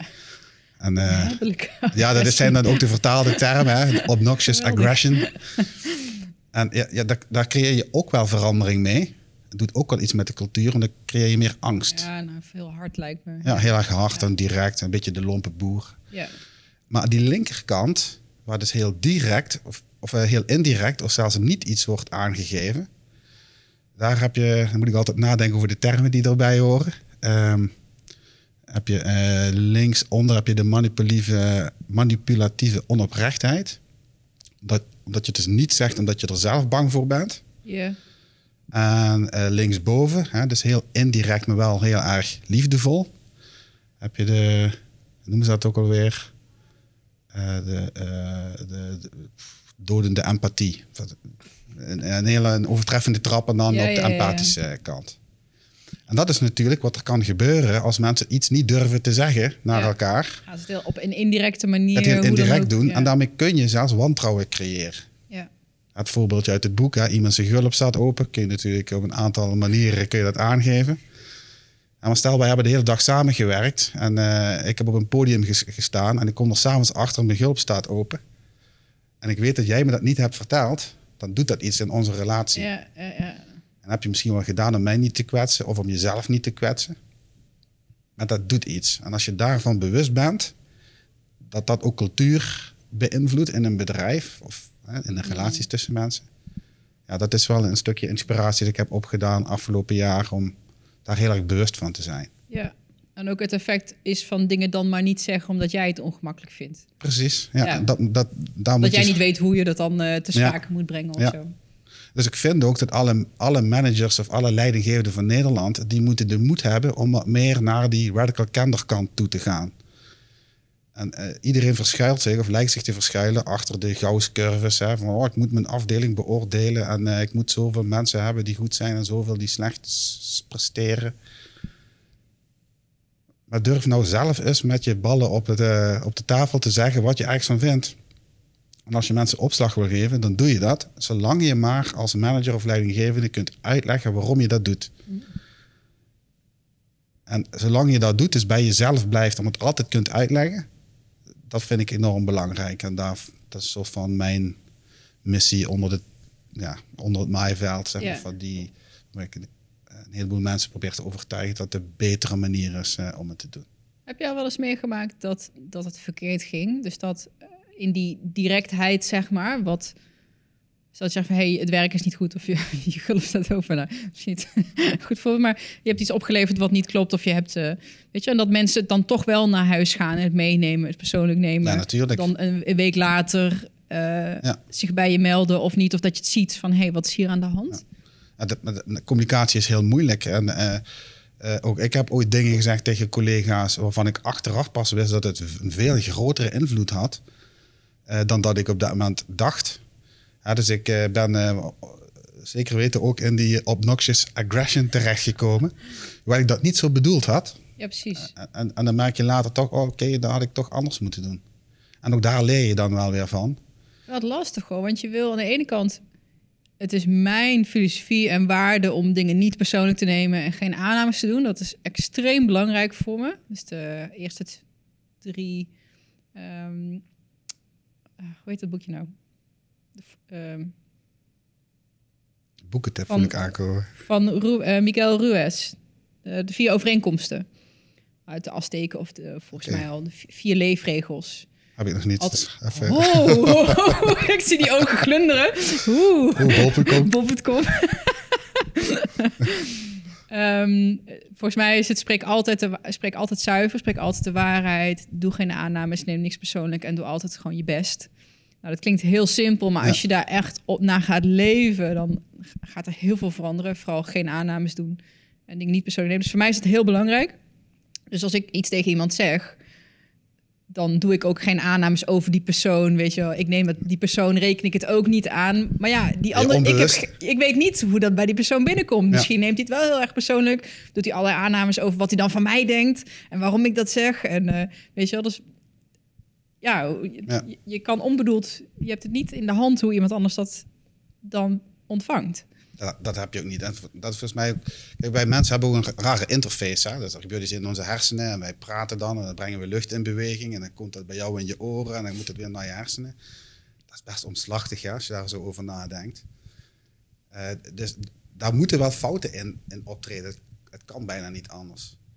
En eh, volgens mij blijft het altijd moeilijk. Ook de beste communicatoren ter wereld zullen daar ook eh, moeilijkheden in ervaren.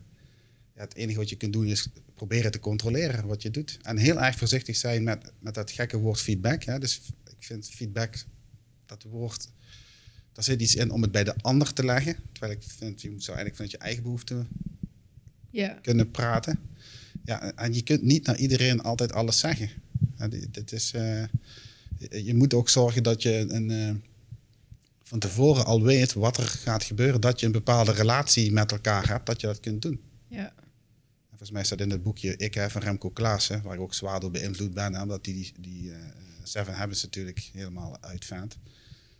Eh, dat je eigenlijk nooit feedback moet geven, alleen maar eh, eh, tussen, hij heeft daar drie stappen vooruit, tussen een geaccepteerde coachrelatie, een hele goede vriend en volgens mij iemand waarmee je een werkgeversrelatie hebt. Heeft daar drie, eh, maar voor de rest niet heel voorzichtig mee zijn. Mm. En ik denk dat dat klopt. Ik kan nu nog steeds herinneren, feedback die ik ooit tien jaar geleden heb gehad. En die toch ergens is binnengecijpeld en die blijkbaar iets gedaan heeft. Dus de manier om dat liefdevol te doen, dat klinkt wel heel leuk in een kwadrant en theorie. En, maar dat is super moeilijk. Ja. ja, en ergens gaat ook wel iets rebels in mij. Dat ik denk van ja, misschien triggert het bij zo'n persoon. Ik heb een heel optimistisch, denk ik, dan eh, wereldbeeld inmiddels. Van, het kan bij die persoon wel eh, iets triggeren waardoor die zich gaat ontwikkelen en gaat veranderen. Dus we hoeven niet alleen maar. En dat klinkt heel, moet ik heel opletten wat ik nu zeg, maar we hoeven niet alleen maar aardig te zijn Nee. tegen elkaar. Want we hebben weerstand nodig en we hebben eh, aanleidingen nodig ook om ons te ontwikkelen, groeien. Alleen als mensen dat dan niet aanpakken, ja, dan ben je mensen pijn aan het doen, weet je wel. Dus, dus dat, je gaat niet bewust C doen. Weet je, dat is ja, ik heb geen kinderen, maar ik kan me heel goed voorstellen in de opvoeding van kinderen weet je soms van ja, dit doet gewoon pijn. maar dat heeft hij nodig van dit soort ervaringen. Want anders Kinderen zijn de eh, spiegel van jezelf. Hè? Als je ziet wat je, wat je dan allemaal tegenkomt op persoonlijke ontwikkeling, denk je, ah man, dit, dit- wordt, alle knoppen worden ingedrukt. Mm. Zo'n term hè, die van Jan Geurs komt, hè, die knoppen indrukken. En die worden allemaal eh, bij kinderen, die gaan op al je knoppen drukken. Dat gebeurt gewoon. Is ook een heel, heel mooie ervaring. En je ziet gewoon jezelf. En de letterlijke voorbeelden, hè, als kinderen iets zeggen of, of ze vloeken bijvoorbeeld, hè, denk je, ja, waar hebben ze dat nou van? De kinderen kunnen feilloos aangeven van, nou papa, volgens mij zeg jij dat altijd. Ik denk, ai, ja, ja, ja. dat is eh, een hele mooie spiegel, zeg maar. Ja. Hey, ehm, eigenlijk een van de vragen die ik in het begin had. ehm, nee, wacht. Ik krijg bij jou soms een beetje het ge- gevoel van... joh, moet jij niet op een podium gaan staan... en gewoon gaan vertellen hoe jij met je personeel omgaat? Want- Ja, ik maar word nu tegenwoordig wel vaker gevraagd. Hè. Zeker, dat- ik denk dat dit ook heeft meegespeeld, hè, dat, eh, dat, dat we deze opname doen. En eh, eh, ik word nu wel vaker gevraagd, ook door MT's van andere bedrijven. van, hoe hey, doe je joh, dat nou? Ja, gewoon dat nieuwsgierigheid. Ja, Ja. kom eens even vertellen Ja. hoe, hoe jij dat doet. En waarom? Want is jouw medewerkerstevredenheid dan ook hoger dan bij eh branchegenoten bijvoorbeeld? Ja, het is moeilijk om te meten. Hè. Bedrijven die delen dat informatie niet zomaar. Vorig jaar hadden we doen een interne meting. Vorig jaar hadden we, ik geloof een 8,6 of zo gemiddeld. Dat vind ik best wel hoog En, echt? op medewerkerstevredenheid. Nou, dat is... eh, ja, goed. En, eh, misschien kan je kijken naar je retentie. Gewoon hoe lang blijven mensen bij je? We hebben nul verloop gehad afgelopen jaar. Daar ben ik zelf super trots op. Hè. Oh, wauw. En ehm, eh, we zitten nu weer in een fase waarin we de eerste ontwikkelgesprekken van een jaar doen. En ehm, daar vragen we ook het cijfer wat iemand geeft aan, aan de werkgever. En we zien daar ook nu weer eh, tussen de 8 en de 9, de alle getallen die ik tot nu toe heb gezien. Dus daar ben ik wel heel erg blij mee. En ik probeer ook super door te vragen van wat kunnen we nog verbeteren. Hè? Dus en ook heel erg kritisch eh, of open te staan voor, voor kritiek. En daar dus ook iets meer mee doen om jezelf scherp te blijven houden. Ja. En de grote uitdaging zit natuurlijk nu. Hè, nu, nu gaan we schalen, nu komen nog meer mensen erbij. Om dan diezelfde vibe te blijven houden en Ja. op diezelfde kernwaarden door te blijven gaan. ja. Dus daar zit mijn energie voor de komende tijd gaat daarin zitten. Om dat echt door de hele organisatie je- daardoor te... Je zei net, eh, die laatste slide, er staan eh, boeken op. Wat, wat is het nummer één boek wat mensen eigenlijk zouden moeten lezen of kijken of luisteren? Of hoe ze het dan consumeren? Eh, Ja, de- ik heb het natuurlijk een paar keer genoemd, hè, de, maar de Seven Habits van, van Oh. Stephen Covey is natuurlijk super belangrijk. En niet alleen omdat ik het zelf ooit een inspirerend boek vond, eh, maar je ziet in alle leiderschapstrainingen die er worden Ja, gegeven, komt het allemaal daar vandaan. altijd terug. Hetzelfde als Think and Grow Rich. Iedereen Ja. die ook maar iets op het gebied van persoonlijke ontwikkeling doet. En niet omdat, oh, we moeten allemaal rijk worden. Maar er zit gewoon dat herprogrammeren van je onbewuste gedachten Ja. zit, daar, eh, zit daarin. Ehm, ja, dat, is- is ook zo'n... zo'n Ja, maar dat is voor mij wel een soort basis. Hè. Er is Ja. de rest weer allemaal bijgekomen. En ik ben, ben door zoveel boeken ge- geïnspireerd. En dat, dat blijft ook doorgaan, dat hele proces. Ja. Eh, maar dat is, dat is er wel eentje. En, en Patrick Lencioni vind ik wel heel erg... eh, Die ken ik niet. Die heeft een aantal mooie boeken geschreven. Eentje die we nu... Hoe schrijf de je dat? schrijver is Patrick Lencioni. Oh, En heeft een aantal boeken geschreven. Getting Naked is er eentje. ja. Dat is een fabel over de consultancywereld. Waarin drie fundamentele angsten van een jonge consultant worden besproken. Ja, dus de, de, de, de angst om inferieur gevonden te worden. De angst om je baan te verliezen als je iets stoms eh, zegt. En die worden daar heel mooi in uit, uitgelegd in dat boek. Hij heeft ook nog twee andere boeken geschreven. En daar komt ook al veel van het gedachtegoed eh, vandaan. Hij heeft de, eh, de Five Temptations of a CEO heeft hij beschreven. En hij heeft het boekje geschreven The Five Dysfunctions of a Team. En mag je raden, dat is natuurlijk precies hetzelfde als je er even doorheen kijkt. Ja, ja, ja. ja. Dat is dat modelletje wat nodig is om vertrouwen te creëren in een bedrijf. Dat is precies hetzelfde als waar teams goed door gaan functioneren. ja. En dat vind ik, nou, dat vind ik altijd erg leuk van een heleboel, een heleboel boeken lezen. Is dat je rode draden gaat Ja, zien. ja, ja, ja. En ik heb ook Ken Blanchard, dat is ook een hele inspirerende schrijver. En die heeft een, eh, ook een boekje geschreven die zegt, ja, de mensen die zoveel boeken lezen, die kunnen beter eens één boek lezen en dan gewoon daarna gaan leven. Daar hebben ze veel meer aan dan dat je maar boeken blijft lezen, hè, blijft vergaren die kennis. En ik, ik heb me wel een tijdje zo schuldig gevoeld. Hè. Ik dacht van, oh man, ik heb altijd vijf boeken half open liggen. hè. Ik ben er vijf tegelijkertijd bezig. En op een gegeven moment dacht ik, ja, maar dit is gewoon wie ik ben. Dat, ik, ik pak een boek waar ik zin in heb, waar ik energie in, van krijg. ja. En op een gegeven moment eh, gaan wel dingen zich vormen in mijn hoofd. En dan komt er wel iets uit. Dat is dan mijn manier eh, geworden. Wat ik heel mooi vind aan jou, of wat ik van je meekrijg, is dat eh, jij komt daarna heel erg in de actiemodus. Je gaat het toepassen, implementeren, testen. Nou, eens kijken of je Ja. dit in een gesprek kan gooien. Weet je wel, bij jou is, is het een soort van vullen van je toolkit. En je gaat ook daadwerkelijk iets bouwen, eh, verbeteren. En ehm, misschien ook omdat je die functie voor jezelf hebt ge- gecreëerd. Dus nou, weet je, die, die ontwikkelgesprekken die doe ik zelf. Mhm. Had je ook makkelijk natuurlijk door iemand anders kunnen laten doen. Dus je vindt daar een uitklep voor. Ja. Maar ik, ja, ik herken wel het patroon wat je, wat je net zei... van mensen die heel veel lezen en er vervolgens maar niks mee doen. Mhm. Die eh, vijf boeken lezen over meditatie of over gezonde voeding... of Ja, wat het dan ook is wat ze dan op dat moment interessant vinden. En dat was dan. en jij hebt daar een heel mooi Ja. uitklep voor jezelf. Meestal zit die actiebereidheid, die zit wel in die fase, meestal nadat ik het boek uit heb. Eh, een ander heel mooi boek is eh, het boekje Triggers van Marshall Goldsmith. En dat was echt een boek, eh, dat had ik gelezen en toen ben ik twee weken helemaal op internet gaan zoeken en dan wil ik alles van zo iemand weten. Hij heeft het boekje Triggers. En in zijn boek geeft hij het eh, voorbeeld dat hij zichzelf laat bellen iedere avond door iemand anders die hem een aantal vragen stelt. Ja. En van heb je vandaag je best gedaan om, en dan iets wat hij dan wil bereiken, voor hij zijn aandacht naartoe wil eh, geven. En ik ben, ik ben toen twee weken gewoon op internet gaan zoeken om te kijken of ik zo'n dienst kon vinden. Oh ja, niet eh, je beste vriend gevraagd om... Ja, dat is natuurlijk een andere manier. Hè? Je accountability partner Ja, ja, ja. hè, inschakelen. Eh, maar maar dan, dan zit ik wel heel erg in die actiemodus. Als je zo'n inspirerend boek hebt, Ja. dat je echt, eh, waar je veel energie van krijgt. Ja, dat, dat vind ik super. En die, die herlees je dan ook, hè? Dat, soort, Ja. eh, dat soort boeken. Ja, ik denk het type boeken. En de ene zit meer op het concept en theorie. Ik denk, ja, is leuk, hoe moet ik nou mee? Maar sommige boeken zijn gewoon heel praktisch. Ja. Weet je, Get the Things Done is bijvoorbeeld ook zo heel... Ja. Legt je uit hoe je een archiefkast bij wijze van spreken moet, moet inrichten. Dat motiveert. Ik wil dus ook een archiefkast hebben. Zo. Miracle Morning hè, is ook zo'n boek, hè? Wat, dat je dan, ja, dat wil je meteen gaan toepassen. Ja. Zo'n energie krijg je daarvan. Ja. Zou je trouwens, de, de systematiek die jij hebt, zou je dat alle bedrijven aanraden om op die manier ehm, hun HRM-cyclus zeg maar in te richten? Ehm, vanuit overtuiging zou ik zeggen wel. Omdat de diepere overtuigingen die erachter liggen, dat die, naar mijn optiek, dat die waar zijn voor, voor iedereen. Eh, ik denk alleen de manier om dat te doen, dat dat niet bij iedereen past. Ah, dus eh, ik geloof heel erg van HR in de lijn. Ah, dus je kunt niet een aparte medewerker die alleen maar de coach uithangt, eh, zeg maar de, de, de ontwikkelingsgesprekken laten doen als de rest van het bedrijf geen aandacht voor je heeft. Ja. Dan, dan gaat er toch iets mis. Ja.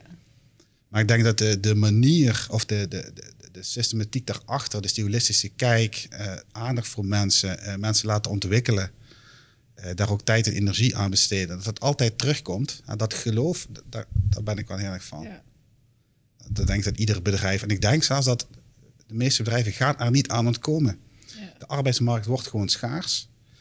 Dus bedrijven moeten iets gaan doen om goede mensen aan zich te binden. En dan is denk ik aandacht de meest makkelijke, maar tegelijkertijd ook de meest moeilijke manier eh, om dat te doen. Ja. ja, want ook bij degene die aandacht moet geven, is aandacht schaars. Ja, Ja. zeker. Los van die hoge eh, cijfers, merk je bijvoorbeeld ook een zichtbaar verschil in een soort van productiviteit of output?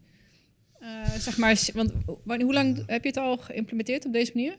Ja, het is, het is, het Heb je dat een... vanaf het begin af aan eigenlijk al gedaan? Nee, nee, nee, helemaal niet. Nee, dit hebben we echt eh, geleerd. Maar dat is niet een, in een discrete stap gegaan. Hè. Dat is echt de afgelopen vier, drie jaar hebben, de, hebben we de grootste stappen gemaakt.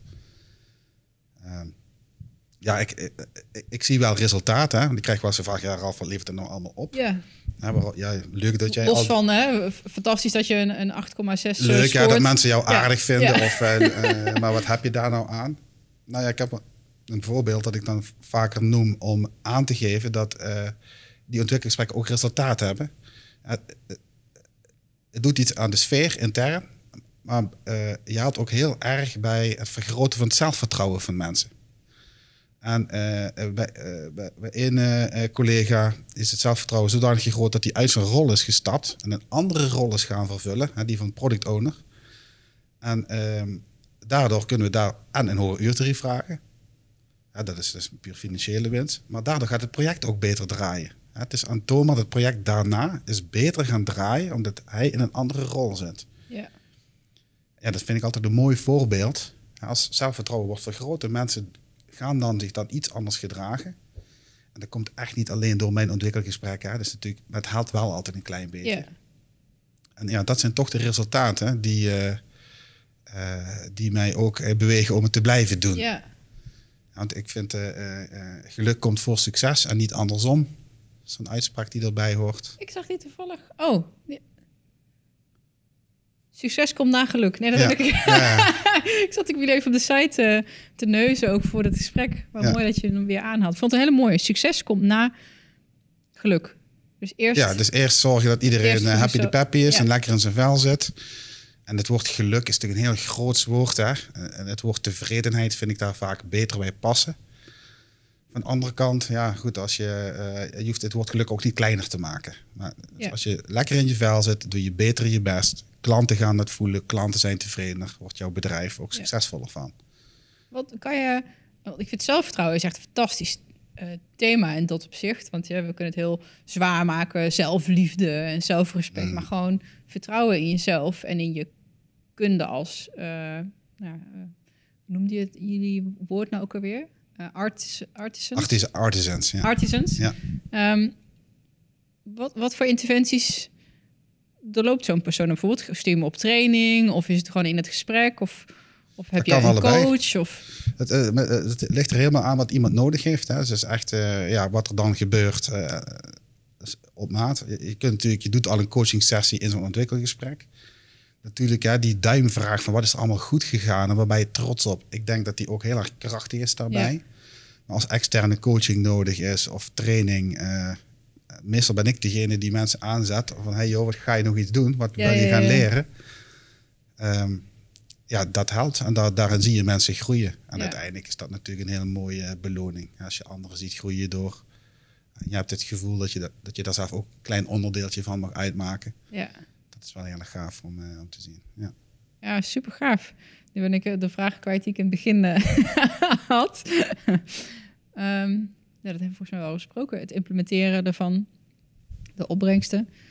Ehm, We zijn nu natuurlijk bezig om de bullet journal of een systeem hè, oh te ja, daar, introduceren. zo, zo, zo begonnen we. Het is, eh, mijn, eh, ik vind dat iedereen een systeem moet hebben. En dat Ja, zijn we nu ook bij, in de ontwikkelgesprekken aan het, eh, aan het benadrukken. Dat iedere professional dat die een systeem, welk systeem dan ook. En dat betekent niet een aantekenboekje of een takenlijstje, hè, maar een systeem om je jaarlijkse doelen, je lange termijn doelen, om die te mappen op je korte termijn doelen. Ja. Ja, en in, een eerder gesprek gaf ik al aan, hè, voor mij was daar een enorme klik om daar je persoonlijke rollen aan toe te voegen. Dat dat voor mij Ja. de verbinding was tussen je persoonlijke missie en je, eh, ja, je takenlijst of zo, eh, die Ja. dan in je systeem naar voren komt. Dat is wel heel gaaf, ook de overlap wat we bij 12 Waves doen. Eh, Vanuit een soortgelijke filosofie. Als als je een roadmap tekent. eh, jij noemde dat rollen en wij noemen dat ja, gewoon je, je, je verschillende verhaallijnen Ja. eigenlijk die je doorloopt. Iedereen schrijft altijd de zakelijke doelen en zakelijke verhaallijnen op de en de mijlpalen die hij wil behalen. Maar je hebt ook privé, eh, Ja, zeker. gezin, eh, gezondheid. Dat zijn ook allemaal ontwikkellijnen, verhaallijnen waar Ja. je op wil bewegen. En dat vond ik wel heel gaaf. Zo van, ja, weet je, en als je dat meeneemt, dan wordt het ook een soort van totaal. eh, En die, die privédoelen, ik ben natuurlijk heel erg voor het bedrijf, maar die privédoelen, uiteindelijk zijn die belangrijker. Ja, dat beroemde vooral op je sterfbed. Hè. Denk je dan, ook zou ik meer gewerkt willen hebben? Dat denkt niemand. Iedereen denkt dan, ik had meer bij mijn familie willen zijn. Meer bij mijn gezin Ja. willen zijn. En om daar, ook al is het maar een beetje meer bewustzijn van mee te nemen in je, in je huidige leven, dat, ja, dat, dat, dat helpt. Hoe zet jij je journal in? Want ik weet wel, ik kan misschien wel laten zien ook hoe ik hem... eh, want wij, ik volg natuurlijk ons protocol. Ehm, en bij mij is het eigenlijk heel simpel. Ik splits mijne in tweeën. Voorin staan mijn actielijsten, mijn habit-trackers en mijn logboekjes. En vanaf op de helft beginnen gewoon... mijn- dat zijn gewoon mijn- aantekeningen van gesprekken. Eh, heel veel mensen hebben aantekeningenboekjes als ze vergaderingen, et cetera, Ja. hebben. Dat zit bij mij halverwege. En ik heb achterin, en dit is een nieuw boekje, dus er staat hier nog niet in, heb ik een helppagina. Wat als niks lukt. Dat, eh, dat is uit eh, Jordan Peterson zijn, zijn filosofie.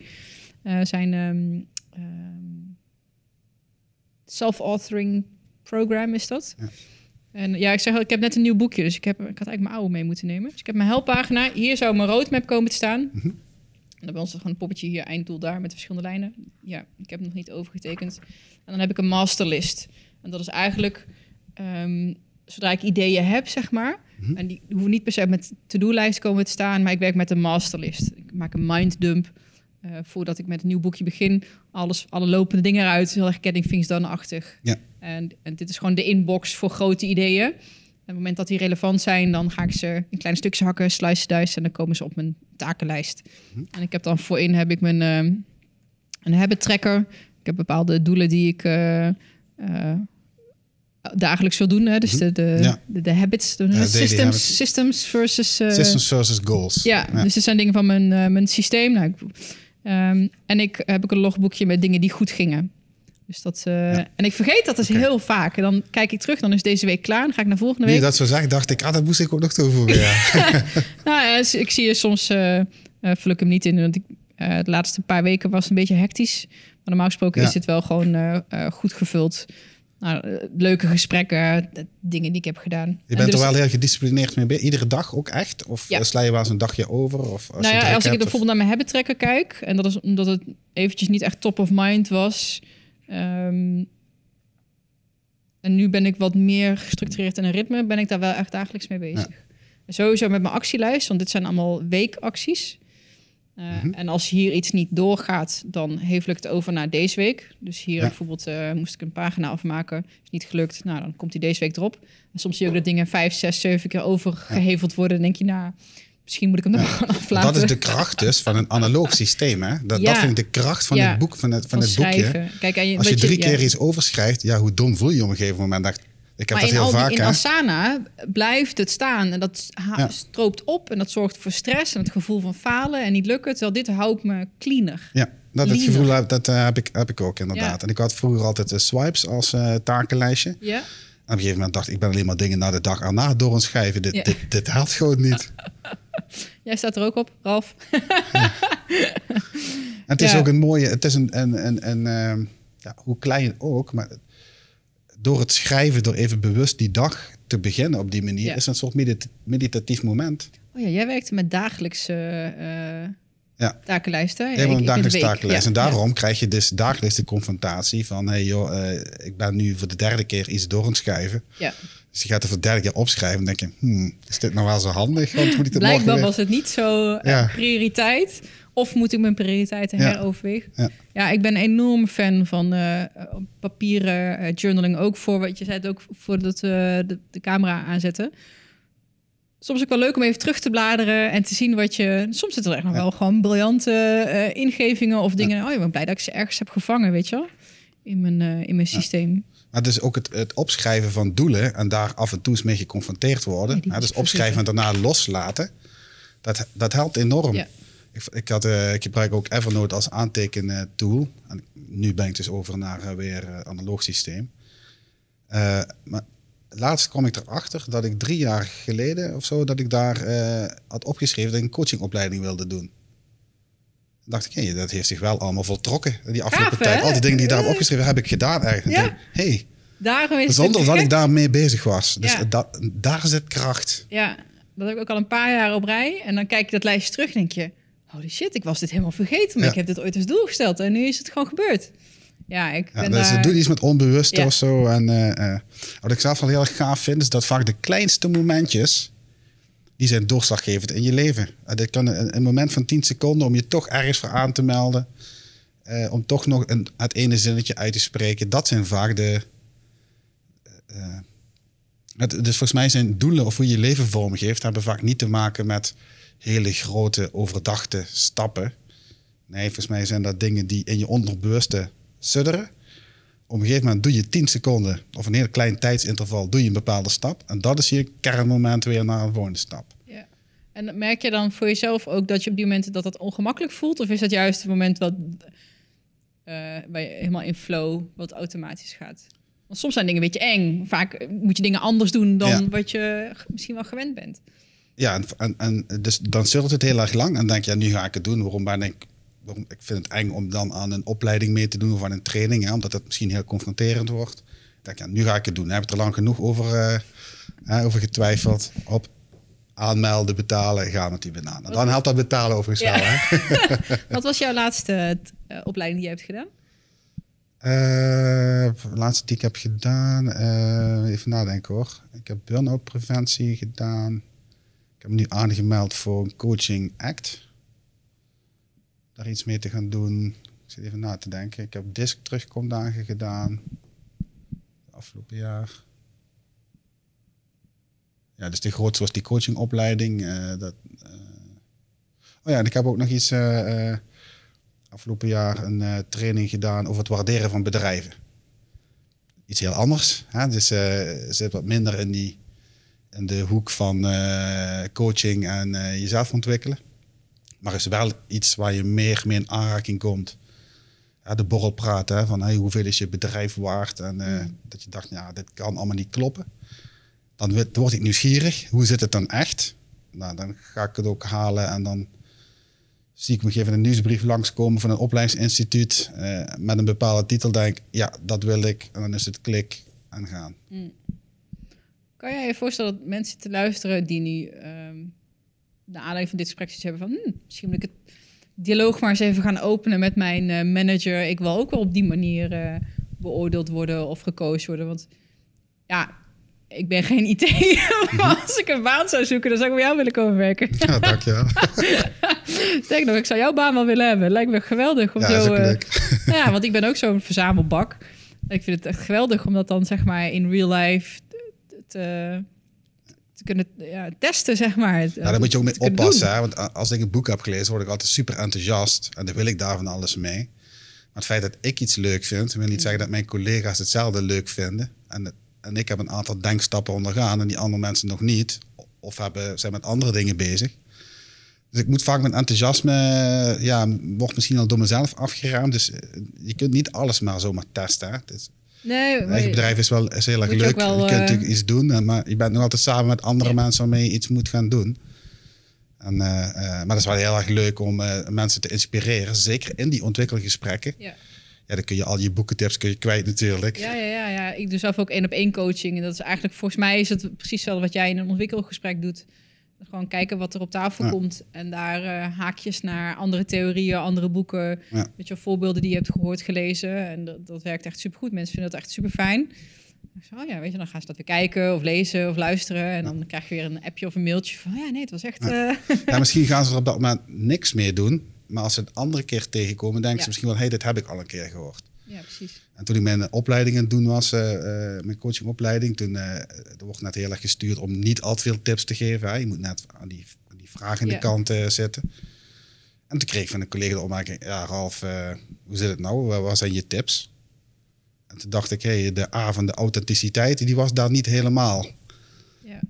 ja, volledig. Dus ik dacht, nou ja, ik moet, als ik dat voel, om daar toch iets meer rond te strooien, hè, met al die boekentips eh, op dat moment, dan, ja, dan zal het universum dat ook wel willen of zo. Dus ik blijf dat toch gewoon doen. Kan jij jezelf meer bestempelen als een soort mentor dan een coach? Of iets wat daar een beetje op het snijvlak ligt? Want ik, ik vind mezelf ook geen... Als ik echt sec kijk naar wat een coach doet, inderdaad, hè, alleen dat spiegelen en dat vragen en mensen zelf...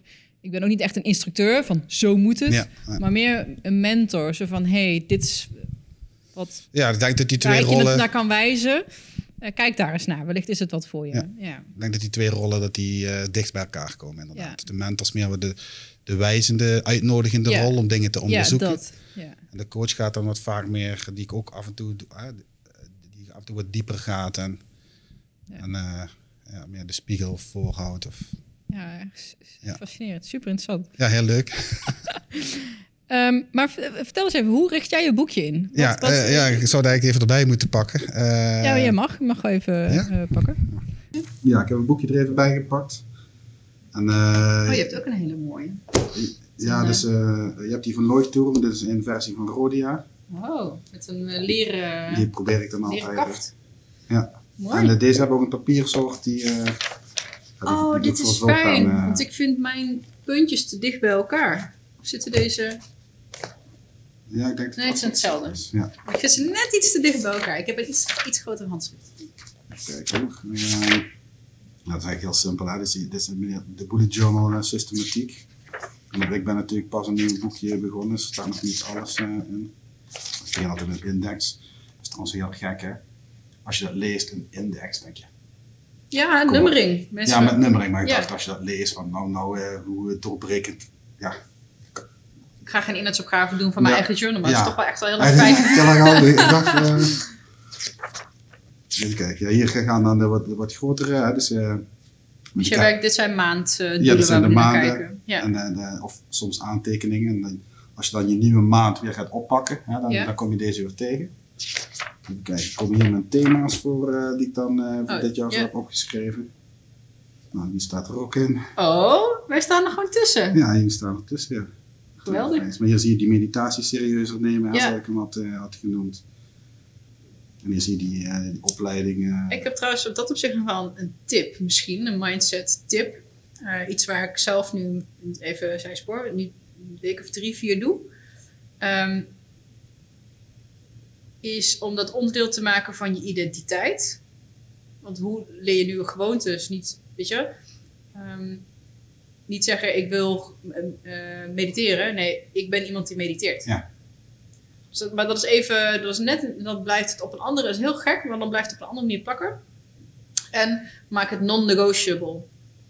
Ik heb nu dagelijks gedrag en daar ga ik niet over in discussie met mezelf. Want het is vooral die interne discussie. Ga ik nu zitten om te mediteren? Of straks? Of vanavond? Mhm. Of morgen? Of als ik dat dan drie keer per week... Ik heb het met hardlopen. Als ik het drie keer per week... ehm, oh, ik zit niet meer in beeld. Als ik het drie keer per week moet doen... dan gaat mijn hoofd elke keer bedenken... oh, dan kan het morgen nog. Dan kan het dinsdag nog. Dan ga ik het weekend wel drie keer in plaats van twee keer. Ja, dan heb je toch je counter gehaald. Ja, terwijl als ik gewoon zeg, ja, maar dit doe ik elke dag, want dit is wie ik ben. Of, en ik ben heel erg benieuwd Ja. wie ik kan worden. Als ik dit een jaar lang of een maand of elke dag doe. Ja. En die discussie weg ertussen uitknippen. Nou, dat werkt. Maar dat moet je Ja. niet met tien dingen doen. Ik heb het nu met hardlopen, of met dagelijks wandelen slash eh, hardlopen. Ik probeer elke dag te gaan hardlopen. Ja. Maar heel kort, dan denk ik, al is het maar 10 minuten. Ik heb, ik heb 10 minuten. Mediteren, dat hoeft maar 5 minuten te duren. Maar maak het non-negotiable. Dit is gewoon wie ik ben, wat ik doe. Ja. De, de zinsconstructie die je aangaf, kwam ik toevallig afgelopen weekend ook in een tijdschrift tegen. Dat ging in een kader van afvallen of van, van een bepaald soort eten. In plaats dat je dan tegen jezelf zegt, ik mag dit niet eten, zeg je, ik ben iemand die dit niet doet. Ja. Of die dit op een bepaalde manier doet. Ja, ik ben iemand die Ja. XYZ belangrijk Dat zijn, vindt. eh, dat zijn best wel krachtige Ja. constructies, denk ik. Ja. En ik weet niet of ik het in een podcast al een keer heb verteld, maar ik, eh, volgens mij het voorbeeld waar ik het toen... Ik heb het vanuit Ilko de Boer zijn podcast, en die heeft het ook weer eh, ergens opgepikt Mhm. waarschijnlijk. Is dat in zo'n steakhuis zaten allerlei vertegenwoordigers te eten. Iedereen natuurlijk aan de steak en de rode wijn en de aardappel met boter. En dan zat er een vertegenwoordiger van een medical company of zo, en die zat gewoon aan de kip met rijst en groenten. En die zei, ja, dit is gewoon wie ik ben. Ja. En dat was voor hem zo, pang, weet je wel. Of ja, voor die meer is het niet moeite doen. Oh, ik mag geen steak. Maar, maar dat bedoel je dus maar gewoon, ja, maar dit is gewoon wie ik ben. Ja, Ja, dit is gewoon een stukje identiteit. Nou, ik ben gewoon iemand die elke dag wil hardlopen. Of elke dag hardloopt. Ik moet er een beetje aan wennen. Ja, ja, ja, ja, ik, ben iemand die dat doet. Maar, dat, en, maar er gaat, en dan word je bewust hoeveel tijd en energie er in die interne discussie gaat. Nou. In die tijd dat ik discussieer of ik wel of niet mijn hardloopschoenen aan zal doen, had ik al naar buiten had ik al klaar kunnen zijn. Ja, ja. En dat, is, dat Nee, levert dat- ook weer heel veel op. Ja, dus eh, jouw opmerking triggert bij mij van alles. Ja, je zag mijn ogen al Ja, in de weer flitsen. Sorry. En ik heb het laatste, eh, ik, ehm, ik ben getipt door een eh, eh, eh, goede bekende vriend eh, op de Haradi-methode. En dat schijnt- ja, ik, ik, ik heb het boek gekocht, maar eh, ik moet het nog eh, uitlezen. Eh, het schijnt eh, lean te zijn voor mensen. Hè, dus de lean methodiek op mensen. En één ding wat ik er al even heb uitgepakt, als je het hebt over doelstellingen. Om je doelstelling eh, te fileren naar, ook in een kwadrant. En dan op eh, materieel voor jezelf. Dus wat gaat er toevoegen materieel voor jezelf, materieel voor anderen. Ja, Wat is de toegevoegde waarde op immaterieel voor jezelf en immaterieel voor anderen. Dat is een kwadrantje tekenen. En, daar, en, en dus, dan schrijf je je drijfveren op. Eh, Wat die doelstelling gaat bereiken. oké. Harabi? Eh Haradi-methode. Haradi. Oh jeetje, ik vrees dat bol.com ook heel erg blij met Ja, mij deze gaat moet je zijn. even uit. België bestellen. Nog. Oh. Dat is pas vertaald, geloof ik. Ik moest hem ook even via de... Maar, maar dat vond ik een hele mooie manier om heel bewust te zijn van waarom heb ik deze doelstelling en waar draagt het aan bij. En behalve jezelf ook wat draagt het bij aan anderen. Aan vrienden, relaties of, gez- of gezin. En dan krijg je volgens mij ook een extra kracht in een doelstelling. Zodat je weet Oh. waar je het voor doet en Ja. waar het toe gaat leiden. Oh, die vind ik super mooi. Want die we zijn hè? ook met veranderen. Moet je echt introduceren. Dat Ja, dat ga ik. eh, nou, ook het. Waarom is veranderen zo moeilijk? Omdat je het in je, in je eigen bubbeltje doet. Maar wij mensen zijn Ja. altijd in verbinding met kleine cirkels, grotere cirkels. We, zijn niet, we leven niet in een isolement. Dus als je wil veranderen, moet je je, je omgeving net zo daarin meenemen als dat je het zelf probeert eh, te doen. En dat vind ik wel heel mooi in de, als je ook je drijfveren zo bekijkt. Want je doet het niet alleen maar voor jezelf. Ja, precies. Ik heel erg boeddhistisch trouwens ook, om, Ja, om ook voor een de mooie greater good te, ja. te doen. Oh, mooi. Is dat een dan- dan- Belg ook? Nee, is vertaald. Nee, die is vertaald. Het is Oh, voor ja. mij door een Amerikaan, die heeft met die meneer Haradi heeft die samengewerkt. Die is in Engels vertaald. En deze Belg heeft het dan weer uit het Engels naar het Nederlands vertaald. Hmm. Ik ben de naam even kwijt hoor. eh, Maar de uitvinder heet, eh, heet Haradi. En eh, nou, volgens mij staan er een heleboel andere mooie tools in als je met doelstellingen dingen wil doen. Hmm. Nou, in ieder geval, We dwalen echt, eh, we dwalen af. Voor in je Bullet- boekje. bullet Het journal. jaardoelstellingen. Nou ja, hier zie je dan eh, Oh, zeg ja. maar de maand. En ik krijg wel eens een vraag van, ah, dus hier staat eh, gewoon een lijstje met alle dagen van de maand. En de, de belangrijke dingen die, of die voor mij belangrijk zijn, die pik ik daar even uit. Ja. Samen met een tracker. Die had ik vroeger apart. Een habit tracker. Een Dus habit is even voor mensen die, die kunt natuurlijk niet zien, maar het is een, een rastertje waarin je kruisjes kan zetten. Ja. En hier heb ik dan mijn meditatie en een kettlebell, mijn sport, zo wanneer ik dat doe.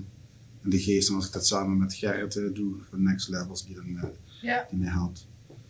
En eh, dus, hierbij creëer je een stukje bewustwording over wat gaat er deze maand gebeuren.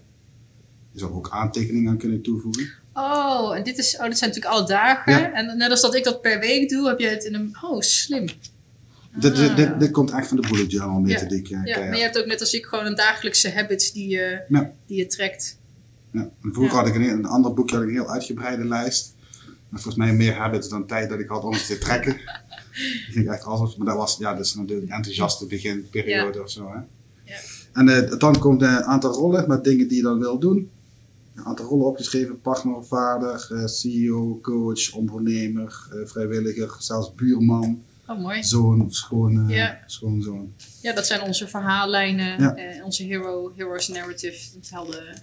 En dan krijg je dan de dagelijkse, uh, dan heb je een week. Ik zal even naar achter toe gaan. Dus een soort wekenoverzicht. Ben je er veel tijd mee kwijt om dat zo in te... Want, eh, en eh, leer je dit ook aan anderen? Want dit heb jij een beetje door de loop der tijd... Is dat gefine-tuned? Net als dat ons 12 protocol Ja. door de loop van de tijd gefine-tuned is. Eh, leer je dit ook aan aan anderen om het zo te doen? Aan andere mensen die ervoor openstaan. Ik denk dat er nu binnen Kawisa zijn- zijn er meer bullet journals verkocht. Ja. Mooi man. Nou, het is niet dat iedereen het gaat doen. hè. Je moet, het moet een beetje bij je passen. Maar eh, ja, het is wel leuk om dan ook met collega's over Ja, te maar- sparren. En om te kijken, hey, hoe doe jij dat nu? eh mag eens even die van jou spieken? Of eh leg ze eens even naast Ja, en elkaar. het gave is, is dat, en dat merken wij ook, er zit wel echt een filosofie en een onderbouwing achter. Ja. Het is niet zomaar oh, leuk om een week bij te houden. Nee, dit zijn productiviteitshacks, bij wijze van spreken. En groeien, successtrategieën. Want door je continu bezig te zijn met je doel, waar je naartoe wilt, zijn die dagelijkse brandjes en die, die dingen die eigenlijk toch niet zo prioriteit. Het helpt je om te focussen. En om te bereiken wat je wil bereiken. Dus Ja. het is niet zomaar leuk van, oh ja, ik vind het leuk om eh, een interessant boekje te hebben. Ja, dus eh, hier zie je dan zeg maar, deze de- toevallig eh, afgelopen weekend gemaakt. Hè. Dus eh, Ja, weer zo'n maand februari en eh, hier zie je dan eh, de rollen en de dingen die ik me daar heb voorgenomen. Cool, ik sta daar gewoon in, podcast. Ja, inderdaad. Dat is belangrijk genoeg voor dit maandoverzicht te Ja. Wat Gek. En een paar keer gesport. Hè. Ja, ja, ja. Goed. Ja, ik heb ook... eh, kijk naar vorige week. Nou, dat, dat hardlopen, ik had, mijn, mijn streak was eh 21 dagen. En toen eh, lag Oké. die sneeuw er. En toen ben ik de dag daarna ben ik twee keer zo lang geweest. Maar ik wil echt, ik wilde zo'n on... Zo'n, On zo'n- ononderbroken streak. Ja. ja, eigenlijk wel. Ja. En dan wil ik een jaar lang. Gewoon Ja. eens kijken wat dat eh met me doet. En volgens mij komt dat die gedachte over die streaks. Hè. Jerry Seinfeld heeft daar ooit iets over verteld, toch? Dat hij iedere dag iets wilde schrijven. En dat hij dan zijn hele kalender wilde, iedere dag wilde Ja. hij iets opgeschreven Het hebben. is gewoon puur omdat je wil, ja, wil die, die Ja. unbroken chain Precies, wil je de chain wil je niet doen. doorbreken. Ja. Nou, dat, dat motiveert enorm. Ja. Ja, dan achter in het boekje heb ik dan een persoonlijke missie staan. En eh, die rollen die ik dan allemaal voor mezelf heb bedacht. Of eh, in dit boekje niet, maar ik heb wel eens de, dat kwadrant van. eh, Deze zijn al genummerd. Oh man, ik moet jouw boekje. Ik zou nu al willen dat de mijne alweer vol is. ik zal je de website geven waar je dit spullen kunt. Doe maar, want ik heb een oude boekjes. Deze heb ik dus nog niet zo lang. Maar dan ga ik ze zelf zitten nummeren. nee. Ja, dat is wel het voordeel van, van ja, zo'n methodiek, hè, die bullet journal. Je kunt het met de meest rudimentaire middelen kun je doen. Ja. Maar er zijn natuurlijk boekjes eh, die al een aantal dingen voor jou beëindigen. Ja, dat, die, daar heb ik dus een beetje weerstand tegen. Want dan voel ik me, los van dat ik mijn eigen structuur heb, eh, die volgedrukte boekjes, dat is natuurlijk al heel goed bedoeld, maar ik wil die niet. Nee. Ik, wil, ik wil dat. Ja, maar zelf- voorgedrukt hier zelf zijn paginanummers en hier in het begin iets voor je index. Ja, dat is, maar dat is gewoon een hand. That's it. Ja. En dat is het voordeel. Dus dat ik ben wel enigszins gestructureerd, maar niet super gedisciplineerd. En eh, deze bullet journal structuur, die vangt je ook op als je een dag overslaat. Het is niet zo dat dan je structuur door elkaar valt. Nee, je pakt het gewoon op en je gaat verder. Maar sterker nog, al laat je twee, drie weken of, of twee. Ja. Ik heb een coachie gehad. Ga even een maand, anderhalf met hele andere dingen bezig. Ik was met een bedrijf bezig. Maar het is gewoon fijn. Je weet van oké, nu is het weer prioriteit. Ja. En alles ligt er nog. En dat doet iets met, met je mindset om een methodiek te gaan volgen. Ja. Ja, dat is ook wat Getting Fix dan natuurlijk ook zegt. Hè? Van, eh, zet het uit je hoofd. Dat geeft gewoon gigantische rust. Want je weet dat dat soort van backup systeem. Ik, overigens heeft gisteren David Allen eh, toegezegd om in de podcast te Oké, komen. mooi. Vind ik wel spannend. Omdat ik de goeroe van eh, Ja, van productiviteit. Ja, ja. Om, nou, eens kijken of hij voor een boekje heeft. Kijk hoe hij het zelf doet tegenwoordig. Ja, hij is al wat ouder, dus Ja. misschien... Ja, maar gaaf. Ja, het is leuk om dat te zien. Maar ik zie, eh, Ja. ja, dus, eh, Ja, we kunnen hem even comparing notes. Ja, het is jammer dat ik hem niet helemaal, eh, nog niet helemaal heb ingericht. Mijn vorige was op A4 formaat. Dan had ik achterin zelfs mijn had- vision board. Oké, ja. Dus ik ben echt met, dat is heel, dat is, dat is gaaf om met medewerkers te gaan doen. Vision board eh, sessie. Niet een, je hebt vaak moodboards, weet je wel, een nieuwe woonkamer met de kleurtjes. Maar om met mensen gaan nadenken over jaardoelstellingen. Want ik doe dat dan in combinatie met, oké, wat zijn je doelstellingen voor dit jaar? En ik zelf, want die was ik net vergeten te laten zien. Ik heb dan eh, mijn, en ik probeer het dagelijks hardop uit te spreken. Dit zijn doelen eh, slash affirmaties. Mhm. Ehm, dus ik kan zeggen, eh, ik ben rijk. Maar ik kan ook zeggen, ik betaal mezelf elke maand een x bedrag uit. Mhm. En niet, ik wil elke maand dit, maar ik betaal mezelf elke maand dit. In het woord zit er wat. En ik zet er ook achter, doordat ik x, y, z doe. Dus Die zijn natuurlijk ook heel. ja, en dat is wat, wat in Think and Grow Rich natuurlijk ook heel erg zegt van, ja, oké, wat is je, bijvoorbeeld, je wil een ton. Leuk, maar hoe ga je dat verzamelen? Ja. Het is niet alleen maar, je, je, moet ook iets teruggeven, je moet terugwaarde leveren. Dus daar, mijn affirmatie slash doelen probeer ik op die manier eh, op te zetten. Wat je daar doet, is die, dat doen natuurlijk op dat kwadrantje van Harari. Wat we net, dat ben je daar al aan het doen, hè? Voor, Oh. voor een deel. Nou, bijvoorbeeld, ik heb er nog eentje die ik, eh, die, die is mooi. Ik ervaar vrijheid, plezier, zorgeloosheid en overvloed. En nou, dat zijn thema's voor mij voor 2019. Vrijheid, plezier, zorgeloosheid en overvloed. En dan doordat, doordat ik leef vanuit liefde, overgave en vertrouwen, zowel in mezelf als in anderen en in het universum. dus dat is, dat is een van mijn, Ja. een soort van mission statement bijna. Ja, dus Van, ja, dat dit klinkt is heel erg als een mission ja, statement. dat is mijn doel. Maar ook hoe ik dat dan ga bereiken. Een bepaalde, doordat ik een bepaalde mindset Ja. kweek. Nou, zo, dus ik heb er eentje financieel. Ehm, ik wil nog een keer verhuizen. Dus daar gaat er ook eentje over. Dan is die. Mijn relatie. Mijn lijf. En dan eh 12 waves. Dus dat zijn mijn, en ik probeer die dagelijks hardop uit te spreken. Om dat soort van te herprogrammeren van... Hé, hey, dit wil ik en zo ga ik dat doen. Maar ik laat dat daarna ook los. Ja. Want anders word je helemaal gek. Oh, ik moet vandaag... Ik moet vandaag iets doen met, eh, vanuit overvloed. dat gaat je, je ziet dat die affirmaties, die, al die, die boeken die al misschien 100 jaar oud zijn of zo, dat die allemaal gaan over het eh, programmeren, van onbewuste. Ja. Bob Proctor is daar ook een hele mooie om te lezen. Maar ook dat boekje Win waar ik het over had, dat doet datzelfde. Die winners eh, eh, dat denkbeeld. Ja, die ga ik nog wel even opzoeken. Ja, maar dat is dit ook. Dit is eigenlijk jezelf herprogrammeren. En dit is niet wat je ouders of je cultuur of je school je hebt meegekre- je heeft meegekregen.